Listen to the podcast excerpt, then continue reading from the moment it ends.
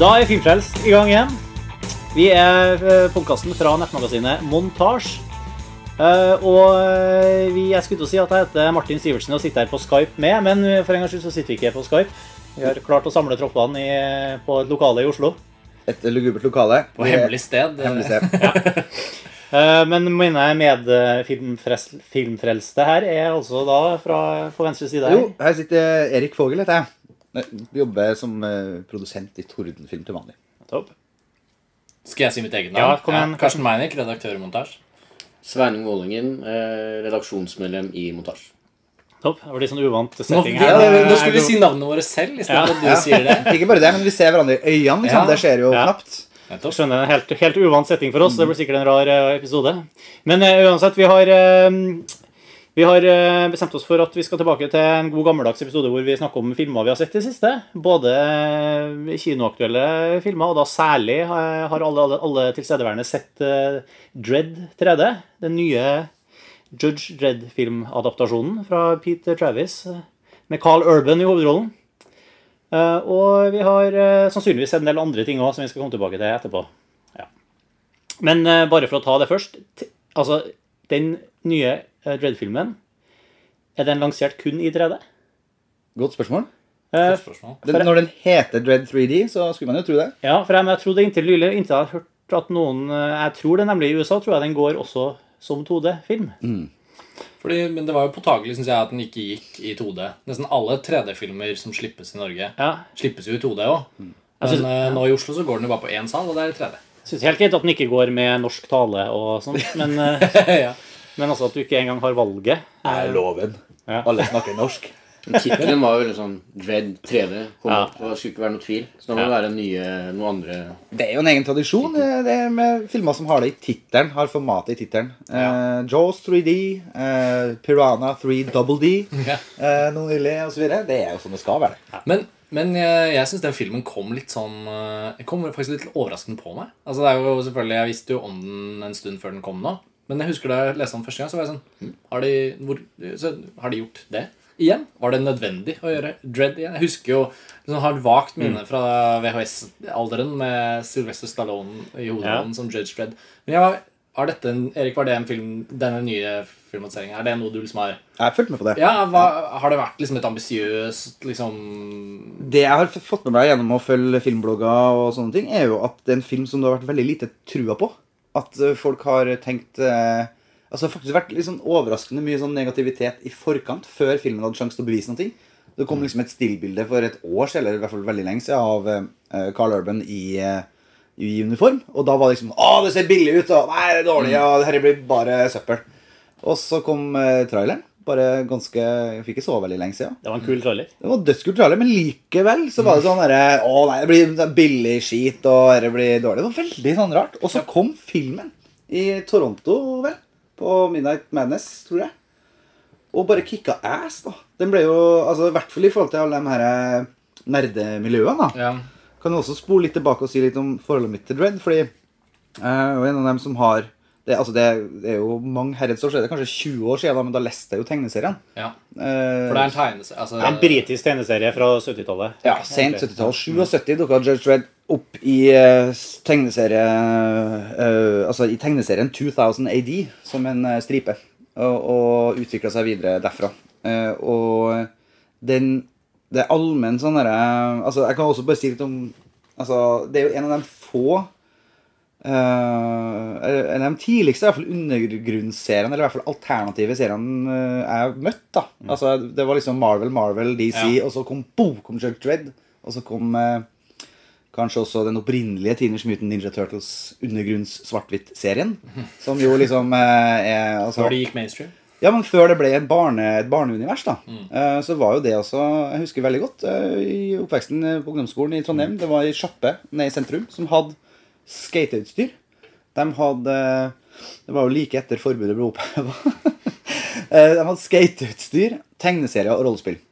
Uh, og da var det sånn at der var Judge Dredd, der var Teenage Mutant Ninja Turtles, der var Elf Quest. Er det spillspesialisten vi snakker om nå? Nei, Eller det her var, Dreamlands? det her var Hva het de, da? De, het, de lå i eh, vis-à-vis Nova kinosenter. Der hvor det har vært sånn fastfood-sjappe veldig lenge. Ja, det var spillspesialisten. Nei, men de var ikke der, de. Hæ? De var jomfru... Jomfruveita. Ja, jomfruveita, og så var de et annet sted. Men nå snakker vi på altså, For det var ikke noe skateboard der. Der var det bare rollespill. nei, det, det, det het et eller annet ja, Bedre her for eh, kommentarfeltet komme oss til unnsetning. Vi må finne ut av dette. For det er i hvert fall en veldig spesifikk tid da, hvor Ja. det var også sånne ting, altså hvor skatekulturen og tegneseriekulturen og rollespillkulturen ikke var stor nok, i hvert fall i Trondheim, til at det kunne ha hver sin butikk. Så alt ble samlet på et sted. Ja, eh, Og da møtte i hvert fall jeg Dredd og gjengen her gjennom eh, tror jeg at jeg hadde så vidt begynt å spille rollespill. Jeg var 12-13, tror jeg faktisk. Ja. Anyway. så i hvert fall den, det forholdet til karakteren, det, var, det er 20 år siden. da. Altså, eh, og så kom jo den der bløtkaka med Sylvester Stallone på midten av 90-tallet. 95. Første Dread-filmen. Som er unisont eh, ansett som en veldig dårlig film.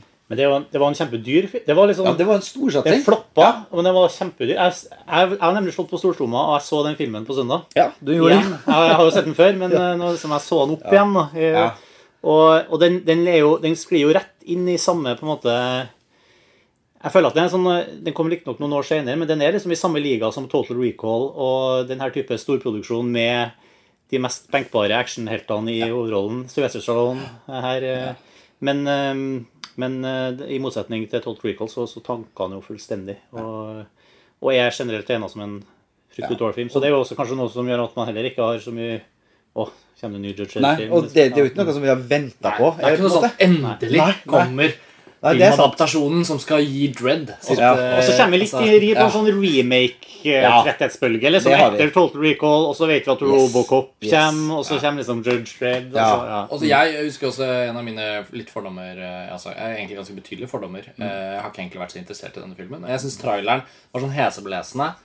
Mange trailere er jo det, men da tenkte jeg sånn hvis filmen er enda Hvis det er enda en sånn flashy type sånn litt born Litt, Mm. eh, litt sånn actionistikken vi har sett, liksom, og så blanda og så liksom Da tenkte jeg dette er ikke for meg. Liksom, det blir bare bråk og stokk. Ja. Um, og, og i tillegg selvfølgelig den der følelsen at når det i tillegg er så mange remakes som Mm. du sier, Martin Men det er også sånn at innenfor superhelt-tegneserie så er det så veldig mange sånne uh, etab nyetableringer av myter. Jeg er så trøtt av det. Origin Stories. Origin stories Ja. fra helvete, liksom. Um, så hvis vi snart kommer til hva vi syns om den nye filmen, så kan jeg begynne med å si at jeg var utrolig positivt overrasket over at ikke det var en origin story, og, at, uh, og at den filmspråklige var mye mer nytenkende og uh, delvis litt sofistikert i forhold til actionsjangeren. Det minnet meg om de beste actionfilmene fra 90-tallet. Så jeg var skikkelig glad for den filmen der. Den har noen Die Hard-vibber. Ja, Ja. I, i, I sin, I sin enkelhet og I sin sitt enkelhet, konsept, mm. på en måte. ja. Ja. Nei, da fortsett. eh, Karsten. Nei, jeg tenkte jeg gjorde videre, egentlig. Det var bare det. Ja, jeg har vært eh, veldig stille nå, for jeg hadde, ingen, jeg hadde ikke noe forhold til det i det hele tatt når jeg gikk inn i kinosalen. Og jeg hadde forventa meg en middelmådig actionfilm. Og jeg har utrolig lav terskel for hva eh, Eller jeg har høy terskel for hva jeg liker når det gjelder action. Star Trek for eksempel, skjønte jeg nesten ingenting av. Det gikk for fort for meg. og det var bare Nå snakka jeg om den nye filmen, da. Den opprinnelige Star Trek gikk for fort for deg. Ja, ja, to og en halv time med høyoktan, eh, høyoktan J.J. livs, Abrams, eh, det. Nei, jeg snakker om, Det er jo 2009-versjonen. Men uh, det her var eh, virkelig Det var en actionfilm etter min smak. Det var, det var som John Carpenter i 2012. Det var utrolig enkel premiss. De er inne i den bygningen så å si hele tida. Uh, ja, de er i samme bygning. Uh, man klarer å følge med på hva som foregår. Eh, de, tar seg, de tar seg tid til å bygge opp spenninga, samtidig som det, det er underholdende hele veien. Da. Så jeg, det var en skikkelig positiv overraskelse for min del.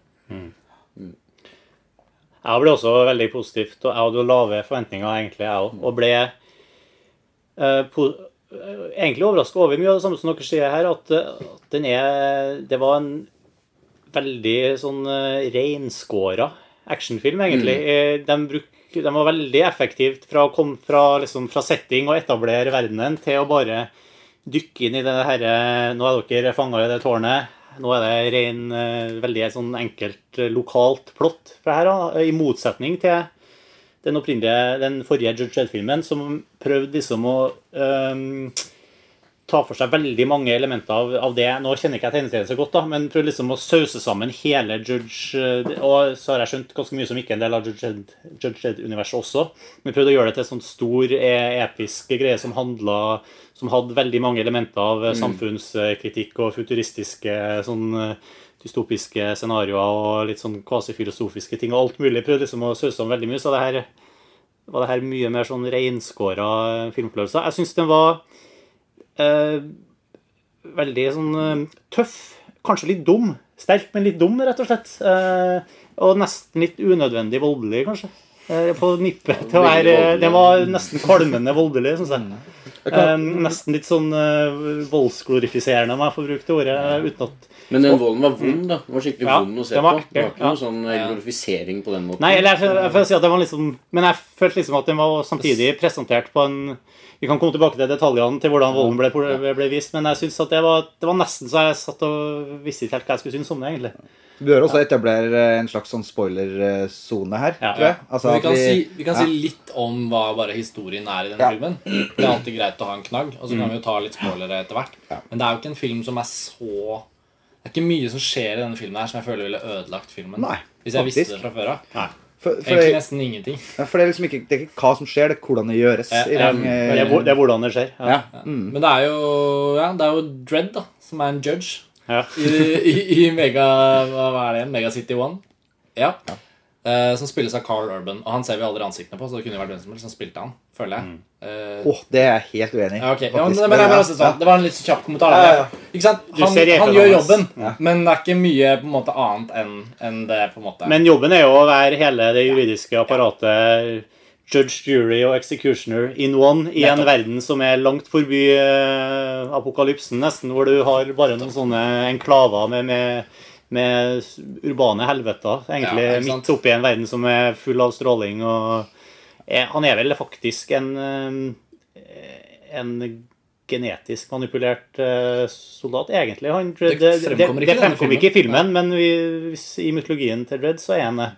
Selv om det er ikke gjort noe poeng ut av det i filmen. Men eh, Det er veldig sånn kjapp etablering av universet. Det er, noe, er det ikke noe voiceover, det er noe, og noe, noe totalbilder, og sånn, sånn er det. Og det er så disse, effektivt. ja, og så er det disse én kilometer høye blokkene, som sikkert ville vært et mareritt i, i utkanten av Paris eh, i vår tid, Type. Det er bare det i sånn monsterversjon. men det er også jeg det 50 000 var veldig kult gjort, altså, den etableringa Fikk litt sånn de District 9-vibber, faktisk. Eh, Det er ikke så rart. Det her er filma i Cape Town og i Johannesburg. Er det? Yes. Eh, Eh, kult, ja. Så de har blanda faktisk eh, Kult, veldig kløktig eh, Har de blanda arkiv, altså slumbilder, ekte slumbilder, ekte urbane landskap. Ja.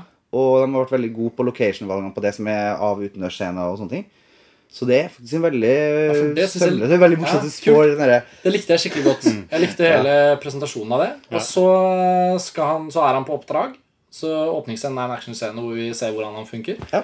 Og så er det inn til politikammeret, liksom. Og så får han beskjed om at det er en aspirant eh, som er synsk, og som har egentlig strøket, men hun skal få en sjanse. Mm. han skal være, hun skal være med ham på oppdrag. En dag. En dag. Så skal han etterpå skal han bestemme om hun eh, får lov til å bli judge eller ikke. Ja. Og that's it. Ja. Det er filmen. Ja. Så er dette ene oppdraget. Og, og jeg bare kjente så innmari på det, særlig da filmen var ferdig. Jeg var så glad for at den ikke var episk. Ja. At ikke den tok noe sånn her gigant... Og da ikke var sånn For å trekke fram Born igjen, da, disse evige klippene tilbake til kommandosentralen hvor de lurer på hvordan det går og sånn. Det er sånn Utenomverdenen er helt irrelevant for historien. Og jeg synes det var så deilig. Det En av de beste tingene med filmen er at den har så fokusert. Ja, Og sånn. så er renskåret. Det er renskåret, men samtidig så går den jo da liksom den, Samtidig så gjør det at den føles, syns jeg, da liksom både renskåra, men samtidig da også litt hul, da, i og med at den på en måte, Det er jo veldig mye potensial i det universet i verden til å ta tak i ganske mange problemstillinger som filmen nesten ikke gjør noe forsøk på i det hele tatt. Yes, Så det, er, det er kanskje både til den styrke og dens eh, litt, Ja, At den ofrer tem tematisk Ja. innsikt for uh, umiddelbar underholdning, på en måte.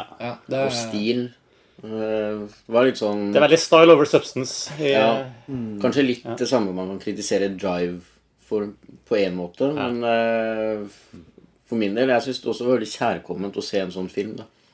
Ja. Uh, ja. Men du har rett, for det er et veldig veldig rikt univers de adopterer. Det er Alex Garland som har skrevet manus. Ja, som, det så jeg ikke på eh, rulleteksten. Det var så kult. Nei, altså- jeg på det dopelementet, så bare Ja, selvfølgelig. Ja, ikke sant? Og, og, og, og hans på en måte visjon for det universet ja, Han har jo kokt det veldig ned. og Han har utelatt masse, men det er jo i den kreative begrensninga Så både også, Jeg mener det gjør det vanskelig for filmskaperne også. Når du først stenger hovedkarakterene dine inn i ett hus, så har du allerede mentalt, i hvert fall jeg som publikummer, har jeg, har jeg liksom Å ja, det her kan jo bare bli sånn, litt sånn kjedelig og klaustrofobisk. Altså, men det å da likevel klare å liksom turnere det og gjøre det spennende og dynamisk på et eller annet vis, selv når rammene er så trang, det syns jeg de har gjort en veldig god jobb på. både Det var det jeg mente at det var litt Die Hard-aktig. At du har jo denne skyskraperen skyskraperen som du og Den er jo helt det er jo en kilometer høy. eh, 200 etasjer. Ja. Men, men eh, Også disse heisene. Altså, sånn, det, er veldig mange, det er jo for mange paralleller til Die Hard nettopp fordi at de klarer begge å bruke bygningens alle mulige eh, elementer til å skape dynamikk i hvordan dramaet går videre. da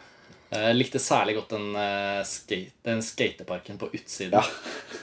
jo, for den, den likte jeg bare i introen. Altså bare sånn Oi, kult. Ja. Så tenkte jeg faktisk ikke noe mer over det. Det føltes ikke som en planting. Nei. Eh, og så da den kom tilbake igjen senere i filmen, så var det sånn Yes, selvfølgelig. Og det var, føltes veldig naturlig. Og det er veldig mange sånne kule detaljer der som er del av den verdensbygginga. Liksom. Det med den her eh, rengjøringsroboten som kjører rundt og rydder lik i starten og liksom prøver, prøver å vaske bort li Men, men eh, jeg husker bare så godt Jeg så som sagt det originale Judge Red eh, på søndagen, og da husker jeg så utrolig godt et sånt sitat fra begynnelsen av filmen hvor det, det er veldig sånn Den verdenen er mye mer futuristisk. Eh, Den, den er mye mer Det ser mer ut som en sånn klassisk sci-fi-by. Her ser det jo egentlig ut som en sånn suburbia-helvete med litt sånn high-tech-elementer strødd rundt i den nye filmen, men i den gamle filmen så er det mer som en sånn eh, 50-tallsvisjon av hvordan uh, sci-fi-verdenen ser ut. da, Men der husker jeg veldig sånn fokus på at nå spiser vi resirkulert mat. og sånn, og så husker jeg sånn, Det er sånn robot som, eller en sånn reklameplakat. så liksom Eat the recycled food. It's good for the environment. Okay for you. Men, men Det, det, det er mye mer hum Den er jo ganske humørløs også, selv om det er litt Den er eh, ja, Den det, nye? det, er den er jo Ja, litt humor i action-elementene, Ja. og sånn, men den er på en måte litt uh, hard. da Den er ganske hard. Den er ganske hard, men jeg ler. skjønner du. Jeg ler. Jeg syns det her er stas. Uh, på den måten at uh, det ligger den svarte svarte humoren i der. Altså i at uh, Karakteren Judge Dredd eksempel, er jo fullstendig uten, uten humor og selvinnsikt eller noen ting. Han er jo bare Jeg så en en annen anmeldelse av, av en som beskriver en som en sånn slags naturkraft i det universet, og det er han. Og, og det som er liksom, Mm. He's the law. Mm. Ja, he's the law. Og, det, og det er det hans eh, rolle er. Og han gjør ingenting utafor det. Han gjør eh, ja, ikke, ingen vekst. Han har bare kalde, eh, nesten si, juridiske avgjørelser underveis. Men så er det geniale med karakteren er at han er et speil hvor alle de øvrige karakterene i universet altså, reflekteres i han. Sånn at det er det som er rundt Judge Red som er interessant, og som er kjøttet i det. på en måte. Du, vi glemte av å nevne eh, skurken i filmen, som er gangsterlederen Mama, spilt av Lena Heddy. Ja. Uh, vi kan også legge til Olivia Thirlby, som spiller den her unge Aspiranten, aspiranten. Og hun slipper selvfølgelig å gå med hjelm hele filmen, for hun er ganske pen. Ja, ja, men det har de jo en forklaring på. Ja, hun, er, hun er psykisk eh, Hun er psychic. Psychic, hun er Ikke psykisk, men, eh, psychic. Hun har psykiske eh, krefter utover det, det vanlige. det spilte også inn med en eller annen, en eller annen film hvor jeg Eller sånn, jeg bare husker ikk- Det er jo filmkunnskap, på en måte. At fra en eller annen film så er det også en eller annen synsk som ikke kan Ja, ikke film av det. Eller om det er X-Men. Altså, Altså, Magneto har jo den derre Ja, hjelmen som Ja, men det er jo ja. Men uansett, det bare føltes logisk sånn fra andre filmer. det var så. Ja, det var sånn Ja, selvfølgelig. Ja. For sånn er det jo. eh, Så hvis ikke så hadde du ikke kunnet Men der har du den blonde der eh, håret. mutasjonselementet. Kommer inn på Ja, at verden, er, verden er ødelagt av atom... eh, Mutes. Du har jo lest tegneserien, Erik. Altså, hvordan For 20 år siden. ja, Jo, men uansett, da var det Hvordan, eh, hvordan Sånn innholdsmessig og rent sånn bare sånn ha, ha, Har den noe tydelig knagg, denne nye filmen? Ja, jeg tror altså, eh, I og med at altså, serien har veldig mange andre karakterer og veldig mange andre sånn, deler av universet, så er jo liksom det sentrale det med de her blocks eh, Måten folk, mennesker bor på, eh, minner mye om serien. Eh, samtidig så har de Ja, samtidig så har de eh, eh, de har utelatt masse, men beholdt det beste. på en måte. Eh, en, en blogger så skrev at et eksempel på det er jo uniformen til Judge Dredd. I tegneserien har han jo en sånn enorm sånn derre eh, altså en sånn kragegreie og en sånn kjempesvær sånn uh, gullørn. Han har en gulløgle Nei, ørn, ja. På, ja, på, hver skulder, eller på én skulder, kanskje. Jeg husker ikke Men den, den drakten er jo helt latterlig Ja, den er 1995-filmen. Ja, og det ville Ja. aldri funka i virkeligheten, og det har de tatt konsekvensen av i Dread Gull, 3D. gull og blått og liksom svære ornamenter. Og, og, sånn, og hvor liksom det der skjoldet hans, der hvor navnet hans står på, som er på en måte ja, hans politi... eh, eh, badge, liksom. Eh, I tegneserien så tror jeg det henger i sånn lenke. Det ville liksom hengt og slengt og bare sånn Dog, rasla. dog, dogtag. Ja, ikke sant? Det ville, ja, de, Bling. De er sånn diger, enorm bling. ikke sant? Mens her er det liksom festa på, og han har en, eh, har en mer sånn Det er mye mer, det er mye mer realisme faktisk i det her. da. Det har blitt trukket med på realisme, både som du sier, at settingen er nærmere oss i sånn futuristisk eh, sett. da. Eh, og det tror jeg er helt riktig. Så de, og jeg tror at i adopsjonen av det universet Så en ting er det at de har begrensa det. Det er veldig deilig. At vi slipper en origin story. Og vi slipper og liksom at det skal kakes på med alt mulig ting som på en måte fansen forventer. eller sånne ting. Uh, uh, sånn Judge Death er en karakter i serien, for eksempel, og The Dark Judges. Og det er masse hierarki og masse At du ikke får sånn Batman Spiderman hvor du skal introdusere alle de fantastiske ja, sant. charactersen på Jeg synes. Særlig den eh, Spiderman som var i sommer, som basically var en slags remake av den første Spiderman, som var for ti år siden. Ja. Som var enda en origin story. Altså, sånn, det, det var, jeg ble helt sånn Ja. Vær så snill. Kan, Det hadde vært så sykt fett hvis de hadde laget en Spiderman-film hvor Spiderman bare var Spiderman. Ja. Og at det ikke var noe sånn episk battle heller. Og at ikke hele New York eksploderte og brant opp sånn som i Avengers. Sånn som i alle filmer. i alle filmer. Eh, det var utrolig kult å se sånn her hverdagslivet til Spiderman. Det følte man fikk i Dread. En sånn film. sånn Dread på jobb. Ja. Og, og det er jo faktisk Det er nesten konklusjonen til hele filmen. En helt vanlig dag på Ja. jobben. Altså, det, er, det er liksom Ja, nå har vi eh, åpna blokka igjen. Ja, det litt ja, det sånn liksom, eh, Rydd bort likene. Ja. Ja. Da går livet det Men det andre jeg skulle si om det med adopsjonen, og det, det som jeg syns har vært eh, liksom en sånn Altså, Det er jo en film som må fungere også for folk som ikke kjenner serien. Selvfølgelig. Du kan jo ikke liksom lage denne filmen og liksom bare for en sånn, dem som kjenner serien. Eh, men likevel så er det det med at eh, jeg ser på det nesten som å jobbe med Altså, det skal så Jeg vil lete etter ordene nå, men det skal så lite til før det skurrer. I forhold til i hvert fall derre mm, ungdomsbildet jeg har av karakteren og universet. Det er nesten som å jobbe med telelinse. At liksom hvis du har veldig veldig lite fokusplan, Ja. og hvis du klarer å holde deg der, så er- stemmer alt. Da Da synger hele filmen, liksom. Men hvis Judge Dredd hadde liksom hadde, plutselig hatt den, det karaktertrekket, eller plutselig hadde den, eh, den vitsen som var litt for eh, 2012, eller Altså, da hadde det på en måte blitt Det hadde ikke funka, da. Jeg tror var, også du er inne på noe der i hvorfor den originale Stallone-filmen kanskje ikke eh, resonnerte på noen måte. At de, der har, der har Judge, eh, Judge Dredd personlighet på lik linje med alle andre actionfilmhelter. Ja. han, han, leading han har morsomme og- ja. kommentarer, han har hjerte, han bryr seg om de rette tingene. Han, mm. Det er sikkert en har story der òg, men jeg husker jeg ikke det. eh, Ja, det er Litt, ja, litt. det er noe sånn der, Bitte litt, men eh, var det det er bare at han, han er liksom mer den derre blandinga av James Bond og og liksom eh, Han er alle- sjarmerende, Han er alle de actionheltene, bare med et teit kostyme. Ja. Eh, Mens, eh, mens her, som du sier, så er han Og han tar av seg hjelmen. Han tar seg hjelmen veldig fort. Og, og det skal ikke Judge Dredd gjøre. liksom. Det er bare, det er Allerede der har du liksom beveget deg utenfor fokusplanen. for å si det ja, sånn. Eh, og, da, eh, og da tror jeg i hvert fall i forhold til essens da, av hva det her handler om, som er en, eh, altså en veldig veldig svart satire, egentlig. Samfunnssatire. Og hvor nettopp den ettertanken blir at fy faen, altså han fyren rydder jo opp. Altså Du ser jo den verste avskummene av menneskeheten eh, begå fryktelig kriminalitet i den filmen Red 3D. Og Judge Fent eh, Han bare sier til dem at nå er du dømt til døden. Og så skyter han dem. Og så gjerne på en litt sånn eh, eh, altså På en ganske sånn vond og ekkel måte. Eksempel han mm. første Ja. i filmen som får en sånn varmekule i kjeften. Sånn at eh, hele hodet hans koker bort. I slow motion. I slow motion. Fordi han så selvfølgelig har tatt dette dopet. Ja, men det er, jo, det er liksom vanskelig å få sympati for Red-figuren hvis det ikke hadde vært for at bad guysene guysen er enda mer usympatisk. Ja. liksom, Men så sitter man og tenker, da. Fy faen, altså. Det er deilig når det ikke er byråkrati. Så sitter man og tenker liksom Så tar man seg sjøl i den tanken, og så blir man litt sånn klein, og så blir det litt rart. Og så, og så avskriver Fordi, man fordi hvis man ikke plukker opp satiretonen, Nettopp. Så står den jo fare for å være en rik- Ja. skikkelig Men det- Ja, men det er jo en, det er Jo, men sånn, Da kunne den jo vært et forsvarsskrift for ethvert diktatur. på en Ja, måte det er jo en fascist ja. Et fascist eh, Kritisk eh, Ja. Og han- Eller nei, fasciststat eh, som beskrives med Absolutt. det, Men han, han er jo veldig fair off en Robocop-territorium. jeg, ja, jeg, jeg tenker jo på Starship Troopers og sånn. Ja, Starship Ja, Troopers Som, også, som veldig den gjør det på samme måten. Den derre- altså, det, han er jo kanskje mindre subtil i, i altså Starship Troopers på den eh, På den der Satiren, satiren av fascismen. For at det er ganske, de er jo men det som er interessant, da, at den Dread nye filmen Mm.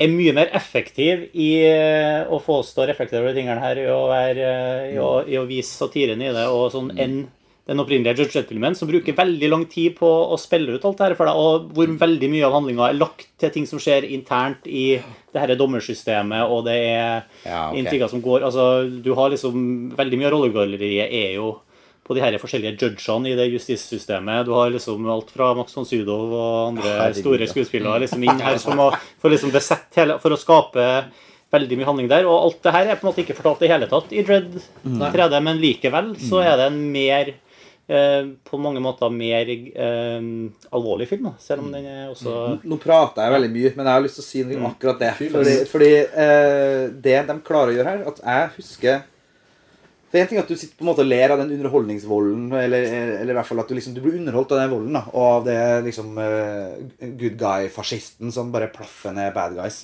Eh, men så klipper de jo til noen av med sånne små, små bilder og scener med noen av dem som er på en måte fanga opp i der, da. Av vanlige mennesker som er på en måte nedtråkka, usle eksistenser som du, måtte, du ser liksom den lille gutten som dukker fordi at det bare Ja. raser kula gjennom hele stua hans, ikke sant? Eh, eller du ser eh, Det lille øyeblikket når hun kvinnelige Ja. hovedpersonen hun, Thurby har eh, faktisk eh, Ja. viser seg at hun har eh, drept mannen til hun Til- ja, Det syns jeg var en jævlig bra Ja. scene.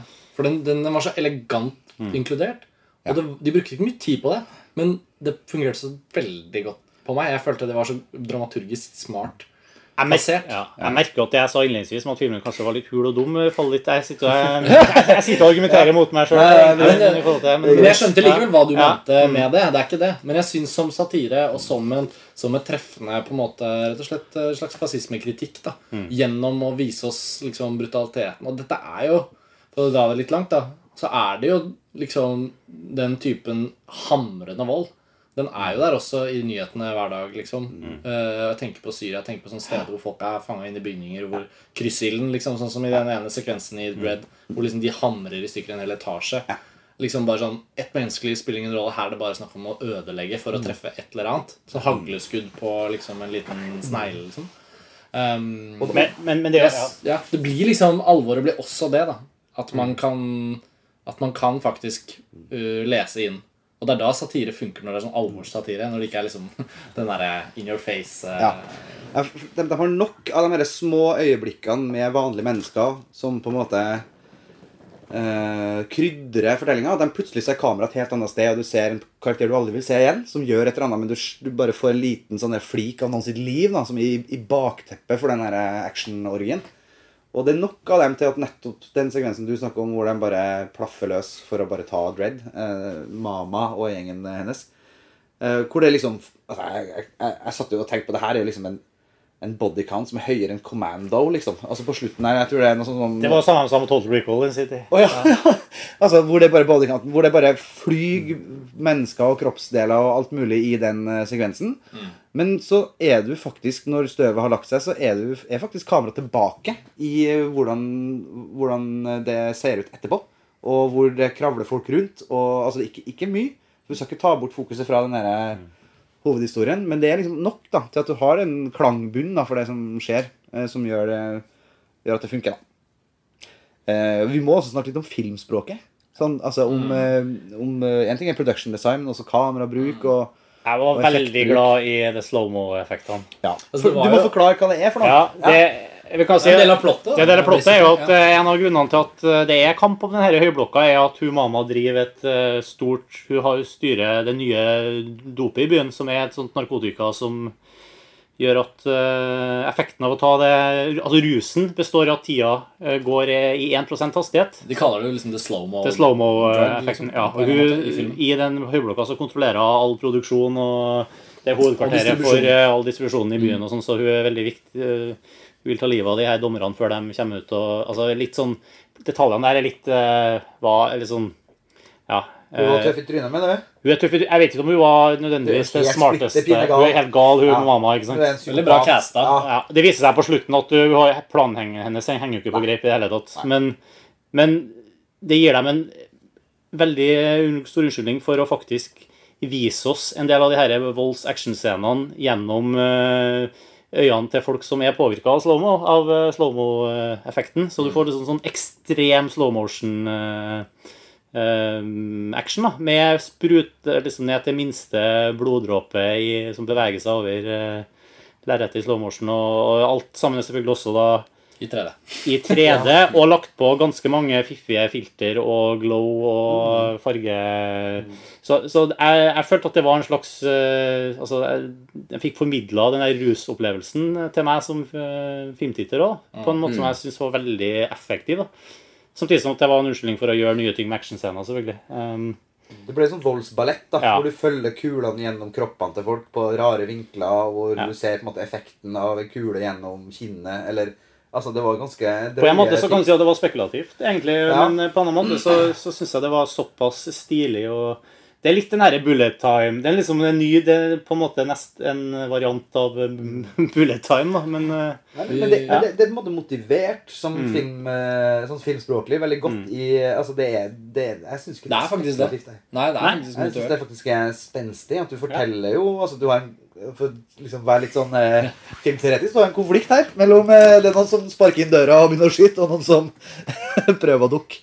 Men dem som, hvis du ser, hvis du bytter fortellerperspektivet til den som blir beskutt, og du får den slow-moen, da får du den enorme kontrasten da, med liksom, den rå effektiviteten til Dread og bare Det er helt eh, drøyt. Og også tematisk så, så virker det ikke så dumt, altså, i forhold til at du kan skjønne hvorfor i en sånn verden som det her at uh, det her er en type Altså at folk En ting er at man, det, er, det er ikke avhengig av akkurat den, det rusmiddelet, men, altså, men du ser det også måten selv eh, bad guysen i filmen her bruk, gir ofrene sine slow-mo uh, de uh, før de tar livet av dem, før de kaster dem utfor uh, balkongen liksom, og 200 etasjer ned, faktisk eh, for å Nesten som et slags barmhjertighetselement. barmhjertighetselement. Jeg tenkte som det motsatte. Ja. du, du, tenker, du tenker mer som et torturelement? Ja, ja, At du skal få nyte sin At du, ja. du vet at du er på vei til å dø, og du har blitt flådd. Ja. Og du skal få oppleve det så Ja, sakte som mulig. Ja. Så, så mest mulig smerte. Ja. Ja, Lengst Ja, det, mulig smerte. det var sånn jeg leste det. ja, ok. Ja, jeg, Men eh, det så jo ut som en ganske hit altså, eh, jeg, jeg opplevde ikke de scenene som Når du fikk se det fra de perspektivene, så virka det som en eh, det, Altså, jeg fikk jeg, det, Vi så ikke ut det så ikke ut som en veldig smertefull opplevelse, det å være slow-mo-påvirka. Selv når du var på vei 200 etasjer ned i Terminal Velocity ned mot bakken, så hadde jeg, jeg, jeg Det føltes som en euforisk opplevelse for meg. som For meg var det helt omvendt. Ja. da. For, at vi kan si det siden det var så Ja. tidlig i filmen. Det er ikke noen spoiler. At eh, Du ser jo eh, hvordan det er gjennom personens øye når han faller ned Ja. i sakte film etter å ha fått det dopet her. Mm. Og, Og- og litt blitt flådd. Det må ja, også og blitt sies. flådd. Ja. Og da fikk jeg nesten litt sånn der Jeg tenkte ok, nå må du stoppe snart før han treffer bakken. For det, det er behagelig å, å se på. For meg var det ikke noe sånn euforisk.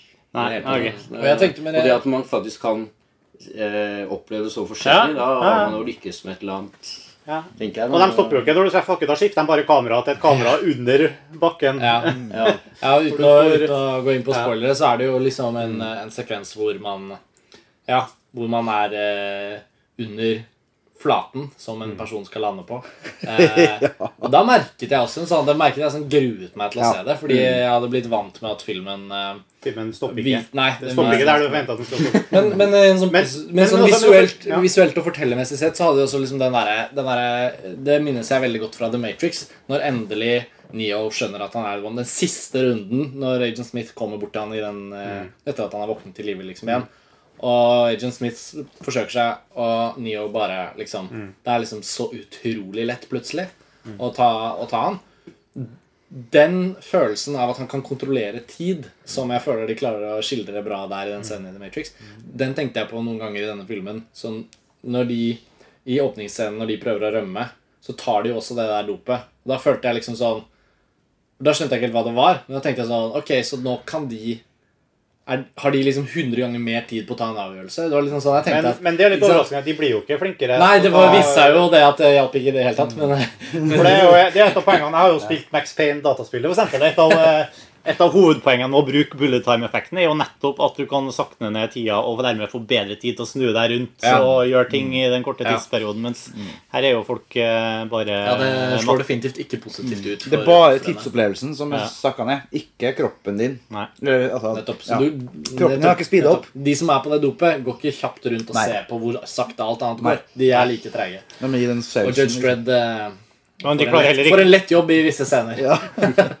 Men det er jo pussig hvordan det kan funke, og de ikke er i stand til å ta kjappere avgjørelser. Men Mm. kan du si at kanskje eh, rusmidler har andre, andre tankesvekkende Ja. Men Nå, ja. brukte de det selvfølgelig ikke til å ha en kickass slow-mo sex-scene. Mm. men man kunne jo godt se Men hun mama var jo også på slow-mo. Eh, Ja.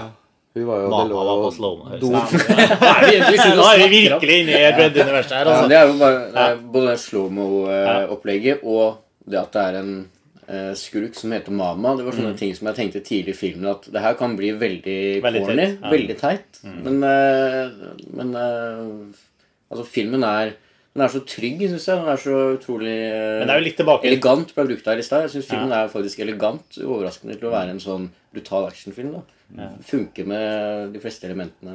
Ja. Men det er litt i forhold til det du sier med i forhold til det valget de har gjort på uniformer og sånne ting. At det er, er liksom, den er planta i en slags sånn eh, realismesett. Sånn, Den er litt sånn hardcore realistisk, til tross for at den er full av så mye absurde elementer. Og Ja. det er jævlig interessant også fordi det er en tegneserieadaptasjon. For at, altså, når vi eh, altså, Hva er forventningene for- Forventningene våre er jo sånne CGI-fester uten like.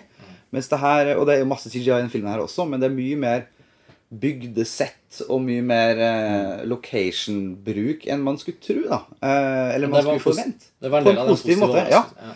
Og, og faktisk at det, noe av det Det her har jeg også eh, eh, Må jeg også sitere en, en blogger jeg ikke husker navnet på, som har snakka om det. At det er det liksom Det å lage en tegneseriefilm så lite tegneserieaktig som mulig, er faktisk noe av det de har prøvd på her. Og det, det syns jeg faktisk stemmer. Ja. Til tross for den veldig stiliserte, nesten Altså nesten eh, altså Det er Arthouse-grep innimellom, liksom. Altså, Ja. Men, men, men også vil jeg også snakke litt om bare om filmspråk i forhold til hovedkarakteren Dredd. For vi Carl Urban spiller jo da bare fysisk, og så har han eh, En munn. en munn. Og hva gjør du når du skal filme et nærbilde av eh, hovedkarakteren din i Dredd? Du filmer munnen. altså, jeg, jeg bare jeg tok meg det selv og bare le. Ja. hvis, hvis du hadde sett for deg at han ikke hadde på hjelm, så ville veldig mange av framingene vært ganske rare. Nettopp. Ja, men, ja, det er det. Altså, så, men på at han, ansiktet hans var munnen og kjakan. Det var alt han hadde spilt på, og da frama de det liksom der hvor Altså, du ser bare kjeften og haka og kjakan, eller altså hva det blir. Og det funka kjempebra. Og det er derfor jeg, for å bare ta tak i det med den jobben Med- Carl Urban gjør altså. Ja. Carl Urban er for meg en slags sånn Jeg ser noen paralleller til Bane og Tom Hardy. I forhold til hva du har å jobbe Ja. med, og fysikalitet og sånne type ting. Ja, da er det motsatt, på en måte. Ja, Der, var det- der, der har du ikke kjeften. Eh, Og der har du resten. ryggen. Han, Ja. eh, skuldre og rygg. Ja, ikke sant? Ja, nei. Eh, Men det er et eller annet der jeg har liksom eh, Jeg syns Carl Urban eh, gjør eh, mye ting som er liksom litt i den kategorien fysisk skuespill. Jeg har, altså, jeg har sett den i Star Trek. I eh, JJ Abrams sin Star Trek. Nei, og kanskje også en til, som jeg ikke husker. Han var jo også i Ringenes herre. Ja, nettopp. Hvilken rolle spilte den der? Hva heter han igjen? Han Spilte han ikke han eh, Hva heter han? Eomir? Nei, han eh, Jeg tror det var det. Ok. Faen, nå føler jeg meg som en dårlig Ja. Ringenes herre-nerd. Eh, Jo, han spilte en av de Riders of Ja, ja, ja, ja. Ok, Jo, jeg tror nok men jeg hadde meg forsvant det i mengden. Nettopp. ja Men sånn sett så i forhold til en fyr jeg har lyst til å se mer, da. Jeg har lyst til å se masse mer Carl Urban etter det her. i hvert fall. Eh, ja. og jeg syns han gjør en Altså hvis du ser, jeg, altså, jeg ble bare slått av etter filmen, så bare slo jeg opp på, nettet og så så jeg litt bilder av Carl Urban. Liksom. Hvordan ser han egentlig ut? liksom? Ja. Han ser jo ikke ut sånn. Han må jo ha gått i månedsvis han med den For å få seg så sur munn som Ja. Det er nedoverkjeften til Dredd som er helt ikonisk i eh, Ja, og, Oscar for beste buden. Ja, ja. og den tynne strypen liksom mellom leppene. var sånn var streng. Men jeg mente ikke egentlig at disse Carl Urban i stad. Det var hovedsakelig egentlig det der med at eh, forrige adaptasjonen, når de kaster en stjerne som er basically liksom et ansikt, så må man jo ta av hjelmen, Fordi da, blir da, da eksisterer film på andre premisser. Ja. Da må man vise at det er Sylvester Stallone, Ja. fordi man Men det er litt det pussig. Stallone er jo også kjent for geipen sin. Ja, Ja, så, faktisk. ja.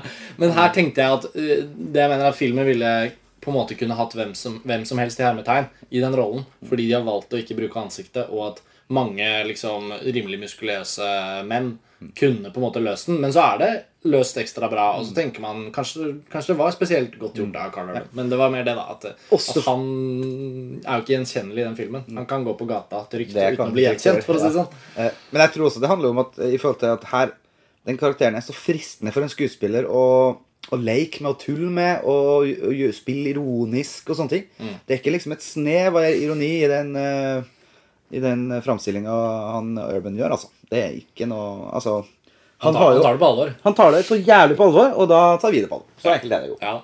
Og det gjør de andre karakterene òg, som du får sett mer ansikt eh, til. da. Ja. Og jeg føler at de, deres historier er også fortalt veldig gjennom ansiktene. Det er liksom bildet hele veien som er fortellinga her. Det er ikke noe ja, Du får et inntrykk av alle karakterene på bakgrunn av hvordan de ser ut. Ja. og ja.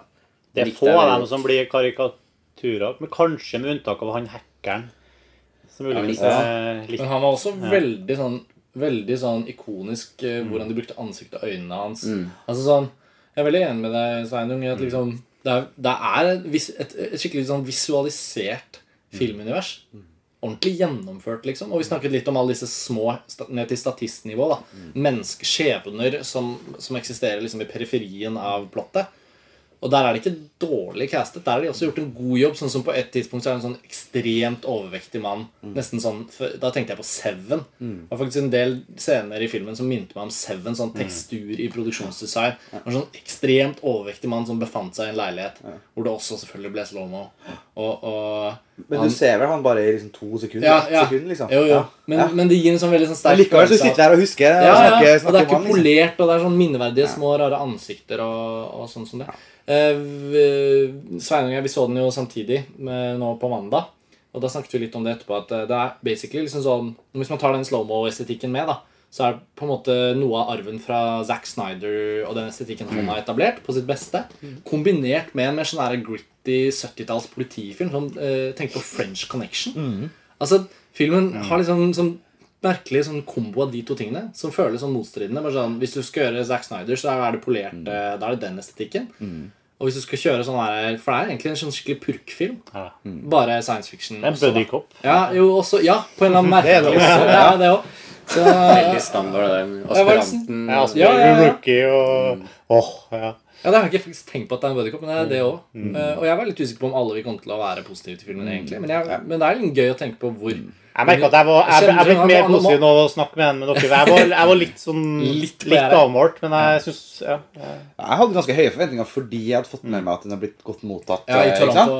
Og sånne ting. Eh, men, men jeg var veldig lunken til den. eh, Jeg ble liksom fanga opp av den negativiteten, jeg også. Nettopp trenger vi en ny remake. Og, men, men det er ting å utsette på nå. Synes ja, Det, er, det er sånne konkrete plotting Eller sånne ting som jeg syns var teit. da ja, er? Skal vi ta og snakke litt spoiler? Ja, jeg, da? jeg, jeg, jeg trodde jo vi etablerte spoilersone. Ja, Ja, men vi har, ikke, vi har ikke hatt noen spoiler. Nei. Ja, men Når du sier spoilerfritt, mener du da Nei, spoilersone. Ja, fordi- Sone hvor du kan spoile.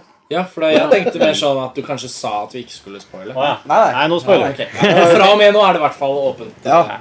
Det, første, det første jeg skulle si som ikke er noe spoiler, jeg syns at uh, motorsyklene var jævlig teit. De så, de så jævlig dust ut. Ja. åpningsscenen var ikke helt overbevisende Nei. heller. Det var noe Nei. litt sånn Jeg mekanisk synes over den biljakten. og sånn, Ja. ok, hvor er vi, hva skal vi? Det var mye der som ikke var helt altså det, Men det, da- det var da- veldig klumpete og ja. Men da skal øynene venne seg til 3D også. Mm. Jeg synes ofte de ti første minuttene er det kjipeste sånn 3D-messig. Men jeg må alltid rette på brillene og blunke litt og få, Ja. få stilt meg inn, liksom. Yes. Ja, men jeg bruker noen minutter på å ise inn i 3D. Altså. Mm, Så egentlig setter jeg pris på de her litt sånn lange logosekvensene. og sånn i Ja, kanskje et par trailere og sånn. Ja.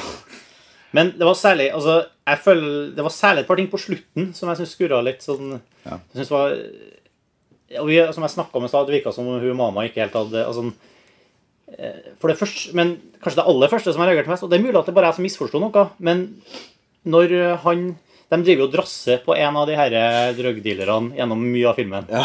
Ja, altså Basically skal du jo egentlig bare arrestere en fyr for Ja, drap. Ta med og forhøre han. Ja, Og hun er psychic, så hun skjønner at det er han. Hun kan uansett forhøre han på stedet, viser det seg. Med bruk sine psychic abilities. Så da skal de ta han, men da skjønner mamma at han kommer til Ja. Alle snakker når de blir tatt med til stasjonen, så da lukker hun bygningen basically fysisk, så de kommer seg ikke ut. Altså, det, så det utvikler seg som skikkelig sånn uh, spenningsforhold mellom hun Olivia Trollby og han. Aspiranten. og- Aspiranten. Og de driver og liksom, han, Hun er inni hjernen hans, og han utfordrer hun med hvor eh, grisete og pervers han er, og alle de stygge tingene han skal gjøre med henne. Og, sånn. og så er det jo, blir hun liksom blir maktfor, maktforholdet snudd på hodet ved at han nå er det plutselig dem som har hun til fange isteden. Og, sånn. og men måten at hun vinner den kampen til slutt, da, er at han tar pistolen hennes og prøver å skyte henne med den. Og så eksploderer eller pistolen skyter baklengs eller eksploderer baklengs hånda. fordi han, han, Ja. har, eh, han har ikke riktig Han har ikke riktig DNA-kode. Men, men også der, der har vi også en person som sier han har møtt hundrevis av judger, og, alle, og liksom, i den forrige Judge Dredd-filmen så vet alle at det er sånn en sånn lawmaker-pistol fungerer. Og, Ja, han, liksom, han sier jo også I always wanted one of these. ja, og, liksom, han og så vet jo godt plutselig er det en overraskelse Ja. at han ikke kan skyte med den pistolen. Ja. Det skjønte jeg ikke. Det syns jeg var en sånn veldig sånn billig utvei. Eller, ja, jeg synes det som var så det, Det det, Hæ?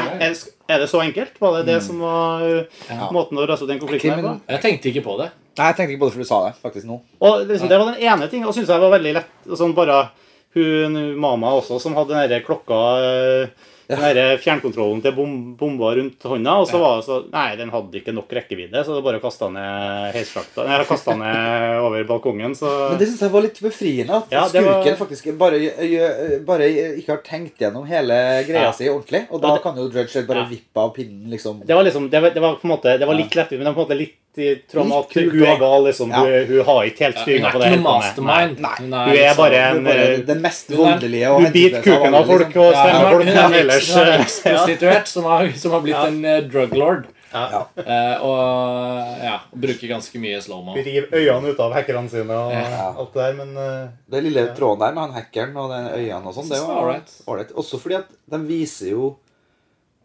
Det var et bitte, jo, jo, men altså et bitte lite klipp tidlig i filmen hvor du ser en mann, en ukjent mann. Altså Det er jo i en sånn eksposisjonsscene for Mama. Så ser du det som på det tidspunktet i filmen er en helt ukjent mann som får øynene sine trøkka inn med tomlene til Lena Heidi. Ja. mm. Og så går, blir du kjent med den samme karakteren uten at du har gjenkjent den. Mm. Ja, Ja, for det tok lang tid før jeg skjønte at det var men han. det er det Ja. først når Jeg skjønte det ikke før flashbacket. Nei, nei, for at det, du, du senere møter du samme karakteren, eh, bare du kjenner ikke igjen. Og så får du se det samme flashbacket en gang til og skjønne at å, det er han.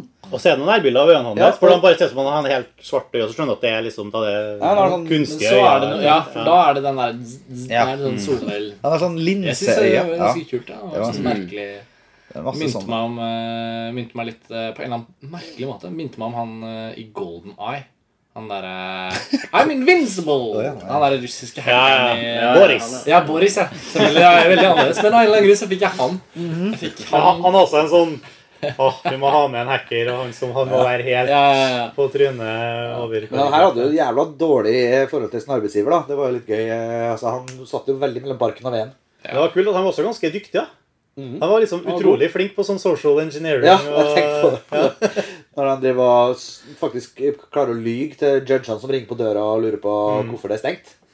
Ja, de Noe andre jeg, judgene. tenkte, noe jeg tenkte på forresten flere ganger i løpet av filmen, var at han så ut som en hacker som Altså Hvis den hackergenerasjonen som er nå, hvis den liksom fortsetter å utvikle seg, så vil de hackerne komme til å se ut som han da, om eh, et visst antall år. Bare enda mer slitne, enda mer rød rundt øya.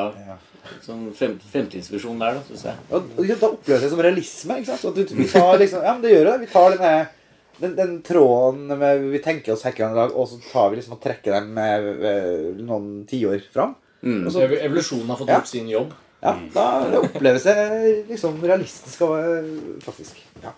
Det er gøy. Ja, men jeg syns, det var en jævlig solid film. ass. Jeg kjenner sånn den, eh, det, er, går, det går veldig lenge nå mellom hver gode actionfilm, som ikke også må være en episk, eh, gigantisk whatever. Mm. Men med det sagt, da, annet, ja. så eh, en, en av de andre filmene som jeg så nylig, Ja. var jo eh, den som vi har snakka om så vidt på Filmpress tidligere òg. Jeg så den eh, The Raid Redemption. Ja, men vet du hva, Den har ikke jeg sett engang, men den tenkte jeg den Nei. må det jo være noen paralleller til. Den er jo ekstremt lik i den ja. veldig mye av handlingsforløp. Og den har ganske annet for en viss sånn formspråk og eh, helt den vinner på veldig mange andre ting som har med actionkoreografi og sånt å gjøre. Men Ja. den har akkurat det samme greia. Du har en gal fyr i en høyblokk som driver og Det er den indonesiske Ja, den indonesiske actionfilmen. Og han liksom får går på høyttaleranlegget og ber alle beboerne om eh, liksom utleve dusør for dem som klarer å ta livet av inntrengere av politiet. Eh, liksom Akkurat som i Rød-filmen. og den er- Det er utrolig hvor mange paralleller det er mellom de to Det har vært egentlig. spekulert på blogger om at det har vært noe, noen form for rip-off den ene eller andre veien, men Alex Garland, forfatteren av Dread 3D, har sagt at altså, det er ikke det. De har altså, det her er bare tilfeldigheter som gjør at de er så like. da. Mm. Eh, manuset til Dread ble skrevet i 2006-2007, men Ifølge et sted så så jeg at den lek det lekka ut på nettet i 2010, men da var allerede The Raid i produksjon.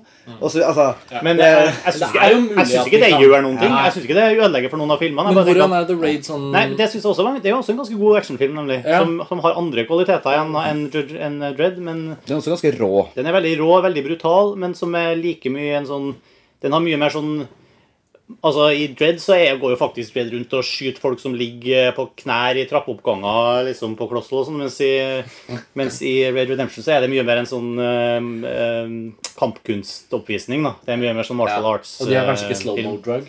Nei. Men de har kanskje litt slow-mo? Ja. Eller?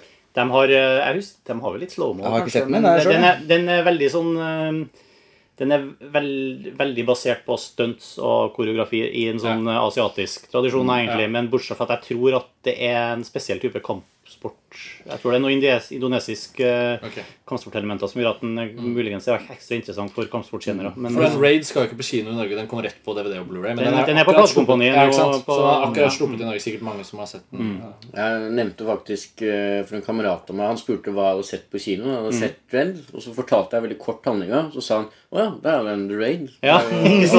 Ja, for det er akkurat samme. liksom. Du har, Nei, der, der er det et helt SWAT-team da, som kommer og skal ta han eh, narkosjefen i, ja. i Det den høyblokka. underveis. Ja. det ser jeg for meg. Ja, ja.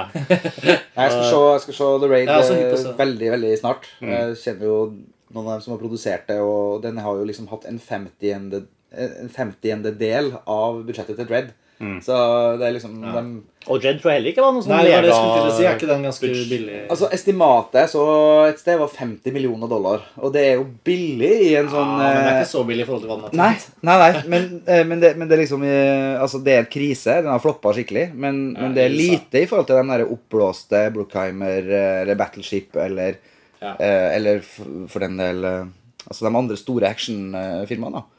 Fordi Eh, så det er en actionfilmer mindre skal actionfilm. være sånn special effects-ekstravaganser og være Altså det, det er så mye som, som det virker som folk tror at må implementeres for at det skal bli et godt action, eh, stykke actionfilm. Og da har du de der 120-150-200 millioner dollar-budsjettene.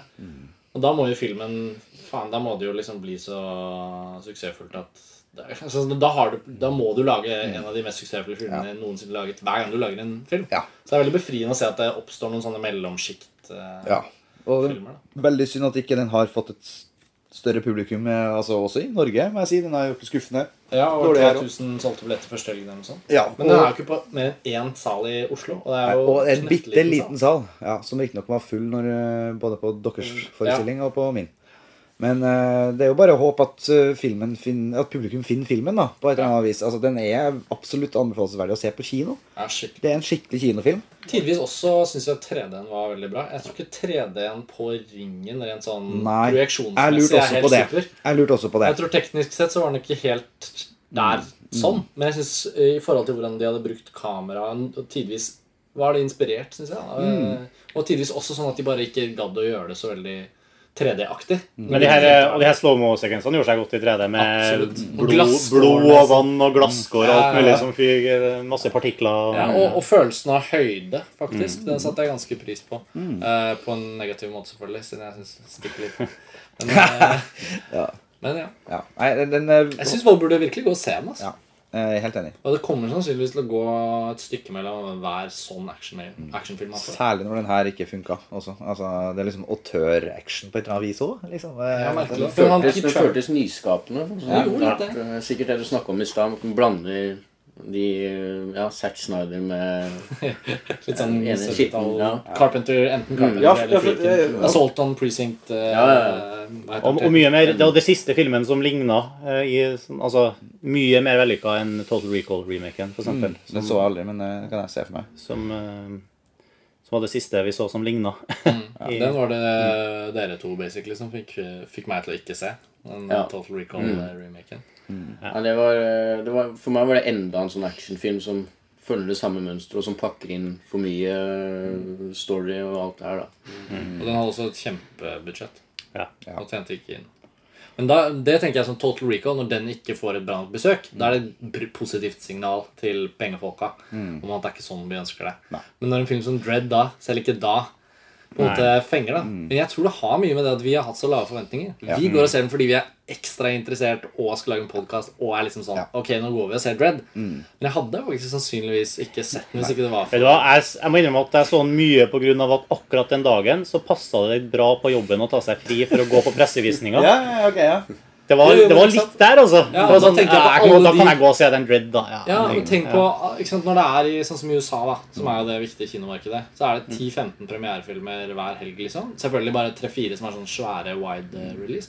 Men er, Og folk har så mye å bruke tiden sin på. Folk vil heller sitte hjemme og spille noe fete nye spill. eller hva som helst da Og da, når da Dread i tillegg ikke er noe som folk har noen forventninger til at skal bli bra, så har den en kjempeoppoverbakke å gå. Ja. Det, det synde er, det leie er jo at hvis den nå hadde fått en oppfølger, som den sikkert ikke får fordi den ikke Nei. tjener penger, Nei. da ville folk vært interessert. Fordi denne var så bra.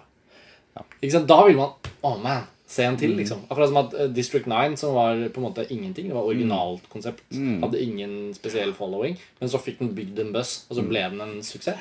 Tenk en oppfølger til den filmen nå vil jo Den, den oppfølgeren, den sjangeren der, da er det publikum Det er kanskje mer Sånn som sånn Terminator i sin tid. da Første Terminator ble liksom nesten kult hit. Og så kom Terminator 2, som selvfølgelig også var bra. da Og så bare bam! Men hvis vi glemmer liksom Total Recall, hvis vi glemmer noen av de liksom, største Hollywood-puddingene som har kommet, da, så er det, jo- har det jo vært en ganske sånn oppsving for science fiction-film de siste årene. da. Altså, nå tenker jeg på altså, en ting District 9, men også så mindre filmer som Monsters eller Moon. og altså, det lages Og den Looper som vi snakket ja, om. som vi Looper som jeg gleder oss helt hysterisk til den. Det er liksom. mulig det blir neste Ja. episode. Vi snakket litt om Kult. det. Ja, det må vi få lov. Ja. Og den nye filmen til han som laga District 9, som jeg ikke husker navnet på. altså Ja, Elysium. Elysium. Mm. Neil Blomkamp. Neil Blomkamp. Neil Blomkamp. Ja, Sør-Afrika. Eh, så det, det skjer masse kult synes jeg, på Mm. den fronten her. Sjangeren er absolutt i lever beste velgående, selv om enkelte filmer ikke, Og filmen, ja, ja. ikke får det til. Og det, sånn sett er det hyggelig at Prometheus tjente, tjente inn en del penger.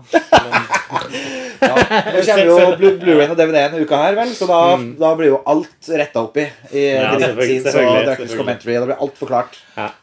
Det er litt terskel å sette seg ned og bruke sju timer på det bonusmaterialet til Prometheus. Var det så, Selv om, var det så om mye? er Sju timer bonusmateriale leste jeg. Men, men, eh, men det skal nevnes at jeg så Prometheus den ene gangen. Jeg hadde ikke anledning til å være på podkasten, så jeg hørte dere diskutere den. Men eh, jeg har fremdeles et ganske godt minne av den filmen. Men jeg har jo skjønt at backlashen begynner gjerne når man ser den igjen. da Så ja, det var, skjønte det på Sivert, i hvert fall, som på podkasten uttalte at det var noe av det beste han har sett. Og så har jeg sett den igjen, og så sakte, men sikkert har han egentlig helt ombestemt seg. Um, så det er derfor jeg kanskje tenker at jeg er litt sånn reservert mot å returnere til Prometheus. For jeg er redd for at den første opplevelsen jeg hadde som jeg syntes var bra, da, Ja.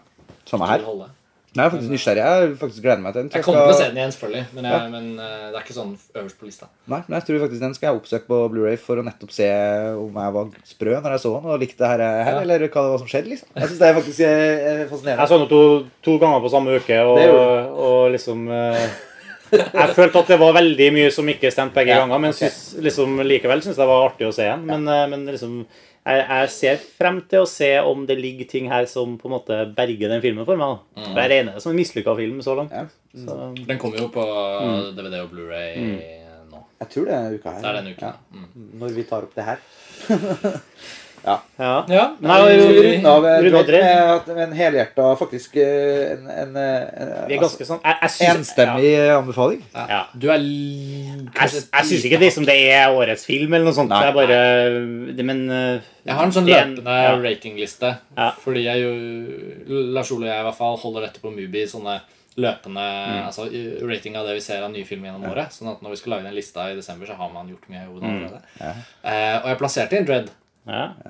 Den, den landa vel. Den var vel den litt over Mission Impossible Ghost Protocol. Ja. Jeg, jeg følte den var litt bedre enn den. Så den Ja. Men det var, det var noe sånn 30, noe og 30 Altså, det er ikke noe Hvis man først har sett en del film i løpet av året, Mm. Ja, og dere etter ser min smak sinnssykt mye film, så ja. ja, og, eh, jo, men også etter min smak Og det har vært et skikkelig solid filmår. da Nå går det jo over alle sjangere. da, ikke sant? Så, så den havner jo litt sånn midt på, men den er definitivt en veldig sånn positiv overraskelse. Ja, det jeg vil si er at det er en film som absolutt ikke er for alle. Eh, liksom, det er altså, det er en film du må, være, du må være klar for ganske rå vold og ganske mørk humor og, og sånne ting, men vit at det ikke er gjort spekulativt. Men det er en, en eh, nesten perfekt sjangerfilm. Altså Ja, I, i en spesifikk eh, kategori da, som du på en måte må kjøpe. Hvis ikke så hater du det. Jeg. Lite apropos forresten jeg kom på, eh, med tanke på det Arthouse-aspektet. At jeg så at fotografen Jeg husker ikke hva han heter, men han har jobba med eh, Harmony Corinne og Lars von Trier før Antichrist, blant annet. Og han eh, director of photography Da er han Anthony Dodd Mantle, da. Ja, det er det. Stemmer. Shit, det la ikke, jeg la ikke merke til at det var han som var fotografen. Ja. For jeg tenkte på Melankolia-scenen. eh, Selvfølgelig. Flere Og da er det jo makes a lot of sense, da. Det er kanskje derfor. Ja. Det var jo bra apropos. Mm. Det har jeg ikke tenkt på. Anthony Dodd Mantle, ja, slow motion-sekvensene i Antichrist. I hele åpningssekvensen I Antichrist Antichrist også, sikkert. det. Og i Melankolia. Mm. Men jeg tror ikke det var han som fotograferte Melankolia, var det det? Nei, jeg vet ikke. Jeg bare, Nei, det var vel han, jeg bare tenkte på de, jeg tenkte på de Ja, de slow-mo-sekvensene der. Liksom. Ja, ja, ja. Jeg har ikke sett så kul slow-mo siden Melankolia. Nei, nei, nei. Mm, mm. Men det, Nei, det de gjorde i Antichrist, eh, i den åpningssekvensen i Antichrist, rent sånn poetisk bruk av slow motion, Mm. er jo faktisk Nå som du sier det, så er det skikkelig sånn puslespill som går opp. Det er jo akkurat den typen estetikk de har videreført her, Slow-mo-porno. Ja. her i Dread. Ja, eller ja. Kult. Ja. Flott. Da runder vi av Dread. Da vi jeg Dread. Jeg har jo allerede røpt at jeg har sett uh, Raid Redemption i Ja. det siste, så noen, noen andre som har sett noe gøy som er verdt å ta opp? Jeg legger inn en lydeffekt. Ja. Dette er en colaflaske som åpner seg. Sånn. Jeg går helt meg en jeg. Du skulle liksom tone Jeg hadde ikke tenkt at det skulle være et, eh, en sekvens som nødvendigvis må klippes bort. Jeg har sett Barbara. Kan jeg skyte inn, da? Uh, ja. Uh, kommer det mer lyd? Mer, mer lyd. Ja, da har vi den. Trenger ikke klippe ut dette. Stem, stemningseffekter. Ja, Jo, fra, fra, no, fra, fra Dredd til noe helt annet, i tilfelle. Ja, jeg tenkte på det. Veldig forskjellige filmer, men samtidig ikke. For det er, to, eh, to regissører her som tydeligvis er veldig De er opphengt i det filmspråklige, mm. og hvordan eh, man kan utnytte bildet for å fortelle. Men du må gi meg en, du må gi en introduksjon av Barbara. Ja, tror jeg, for for Barbara- Ingen av oss andre har sett den ennå, nei. Nei. Fordi eh, ja, Barbara er eh, Christian Petzolds uh, siste film. Han er en tysk, tysk filmskaper som uh, ofte blir regna blant en sånn ja, såkalt skole, da, som kalles Berlinskolen. Hvor det er veldig fokus på eh, å ja, holde det minimalistisk. eh, la de små detaljene i bildet fortelle. Eh, ja. Samtidig som de er veldig, de er veldig på den sjangerpakka. da. Og han vant vel eh, pris nå, nå skal jeg ikke si det helt sikkert, men det var vel beste regi, var det ikke det? Jeg tror det var det. I Berlin. Solbjørn Ja. for beste regi Ja. ja, i år. Mm. Så jeg ble veldig begeistra for Barbara. Den handler om eh, en dame som eh, begynner å jobbe på et sykehus litt i utkanten av Øst-Tyskland. Eh, fordi hun har søkt om utreisetillatelse til Vest-Tyskland. Og så ja, skal ikke si så veldig mye mer om handlinga, for den, den, er veldig, den er ikke så veldig detaljert. Men, eh, eller den er ikke så veldig stor. Men det er en film som eh, Ja, den eh, Den er For meg var det en, en skikkelig god eh, film fra den her tyske berlinerskolen, samtidig som den vender seg mot et litt større publikum, da, syns jeg. Så jeg har sett mer film av han Petzo etter det her. Eh, like bra de andre filmene jeg har sett av han også. Så, For det, den, den har vært litt sånn på forventningslista etter Berlin. Eh, Jeg kommer til å gå og se den. Eh, Du skrev også en artikkel om den som ligger på montasje, så der, der går du enda mer i detalj om den filmen. Men det er sånne filmer som, eh, som av og til dukker opp, men som, som folk må ha litt tid på å få kommet seg og sett. da Eh, Og da er det jo også fint å få nevnt de sånn som på Filmfrelst, fordi det er det er liksom sånn, det er så mye som kommer innimellom, og da går det under radaren. Og nå er det sånn norsk film som dominerer på kino. Jeg var også en annen film som vi også har hatt en artikkel om på, på montasje, som, eh, som heter Min søster. Som også fikk pris i Berlin. Eh, det var litt sånn inspirert av artikkelen, fordi eh, den var veldig positiv. Og den og Barbara er sikkert veldig forskjellige filmer, men, men de tilhører litt den samme, samme subsjangeren av noen kritikerost veldig høyt nivå da, på filmene, og så kommer de på kino i Norge. Og man skriker alltid etter at det er så behov for kvalitetsfilm og vi må ha bredde og sånn. Men når filmene først kommer, går, går jo ikke folk og ser dem. Eh, Og eventuelt så må de ha mer tid for å oppdage dem. Men så får de liksom ikke sjansen. da så, Nei, for det er seks nye premierer. Ikke sant? Sånn folk, at den, folk eh, flest går jo ikke på kino. Nei, ikke sant? Så da Folk flest ser kinofilm på TV. Ikke sant. Down the road. Men Barbara hadde ganske bra besøk, da så jeg sånn tross alt. Den okay. ble sett av 2000, tror jeg, og Dread ble bare sett av 3000. Samme premierehelg. Så de var ikke så langt fra hverandre. uh, og, og sånt. Mens en film som Min søster, da, som er et utrolig fint eh, Fint lite drama som foregår i en eh, alpinbakke i Sveits. Hvor det er en liten gutt på 11-12 år som, eh, som eh, stjeler ski og skiutstyr for å holde sin lille familie i live. Og det er han og storesøsteren som bor i en sånn sliten blokk. Og hun antydes at hun kanskje er en slags prostituert, eventuelt en jente som bare har masse forskjellige kjærester, men aldri ser ut til å få det til å funke. Og han er liksom både faren og Altså, han er forsørger, men det han gjør, er å stjele ski og skibriller og hjelmer og sånn oppe. Så det er en sånn symbolikk i at han tar heisen opp til toppen av fjellet, og der er det hvitt og vakkert og rike mennesker. Og så bøffer han eh, utstyr, og så tar han det med seg ned i dalen, og så selger han unna. Han er veldig sånn oppfinnsom, og utrolig bra barneskuespiller, da, som også fremgår av artikkelen på montasje.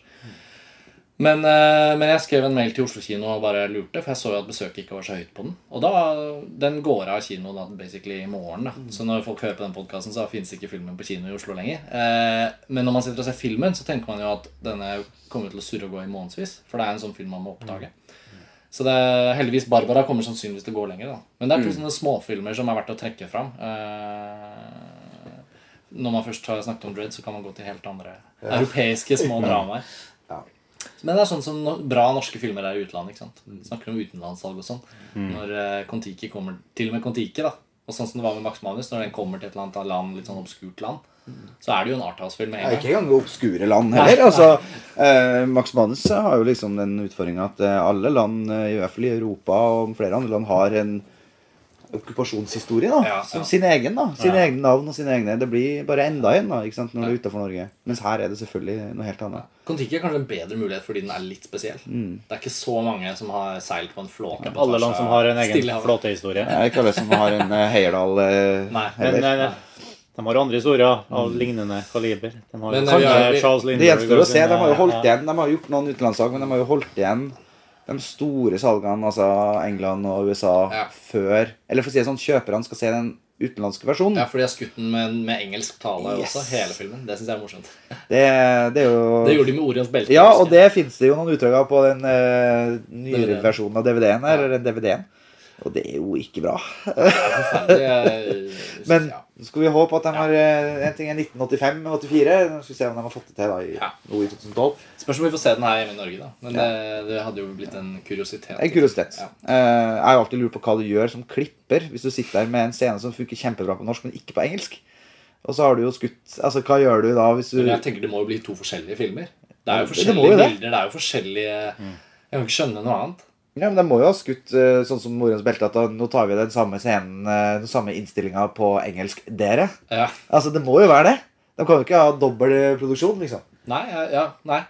Mm. Jeg vet ikke. Så er det de samme utsnittene og, og forskjellige på en måte, skuespillerprestasjoner. Du vurderte aldri deg på Norwegian Ninja? Norwegian Ninja Nei, nei, den, den, kunne vi jo dubba. Eller Kommandør altså. Treholt. Du kunne ha dubba det, og det ville, ha Vi kunne ha funka dubba, det ville ha funka, og den er dubba. Den Ja. fins på tysk, den fins på fransk. Eh, Og jo dårligere dubbing, jo bedre. Nei, men det er bra dubbing. Ja. Det er det verste av folk liksom rapporterer om. når vi først kommer inn på det hva, Gi oss status. Lytterne har jo fulgt det prosjektet. Hva, hva er ståa med Ninja-filmen? Den Filmen har jo nettopp uh, Altså, det begynner jo å bli Altså, film er ferskvare. Nå er det ikke like mye aktivitet i salg og sånne ting. Men vi har nettopp uh, liksom Det er litt morsomt at til sist i salgsrunden så fikk vi til de asiatiske salgene. Altså Sør-Korea har solgt, Japan har solgt, Tyrkia har solgt. Også, Awesome. faktisk. Ninja-hooken er en ekstra eh, også, effektiv der. men, og bare for lytterne, vi snakker om kommandør Treholt Og Ninjatroppen, som er da produsert, da. Så Ja. er liksom ja, eh, og episode, hvilken, en hvilken Filmfrelst-episode var det? Jeg husker jeg ikke. Ja. Det har vært nevnt. eh, men, som har blitt ned, snakket om tidligere. Ja. Men som internasjonalt heter Norwegian Ninja.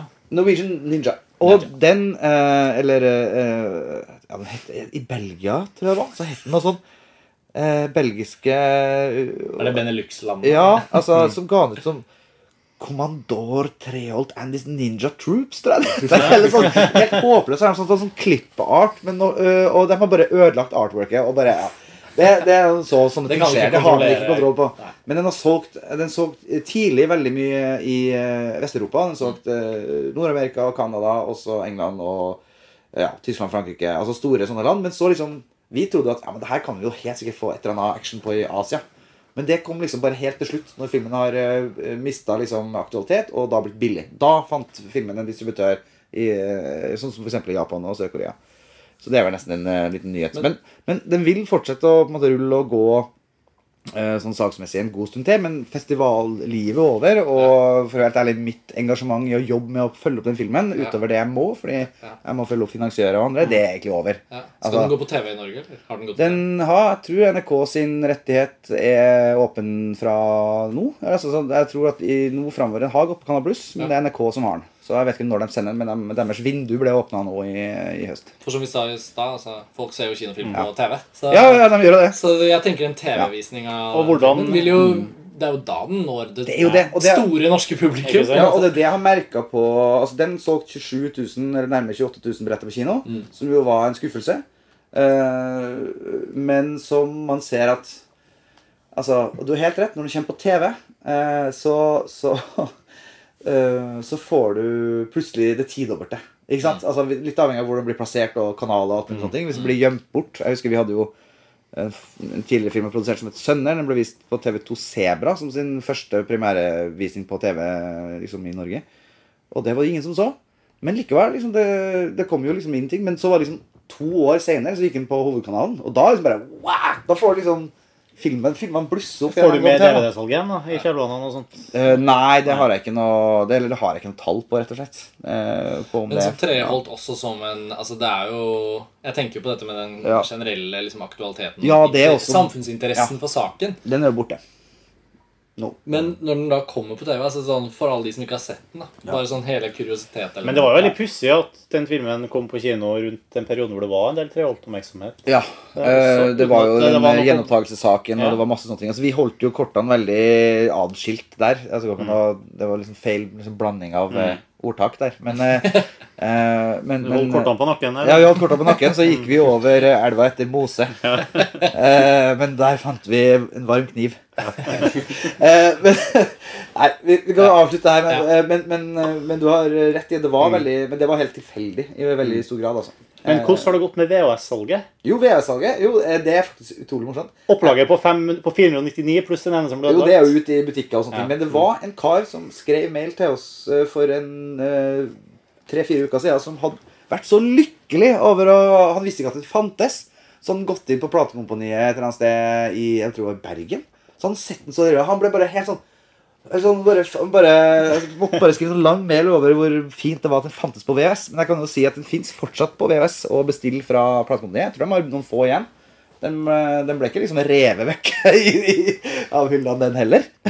Men den fins. Men den er på VS i. Den på VHS. Men så. når den da, bare for å avslutte, altså når Ja. den slippes rundt omkring i verden Ja. nå, da er det på DVD og Blu-ray og video Ja, video det demand, ja. Den har jo vært gått på- kino i noen andre land? Uh, nei, det, og det var egentlig Det visste Men det egner seg jo nesten Ja. sånn, litt sånn som den der litt sånne rare oppdagelsen han gjør.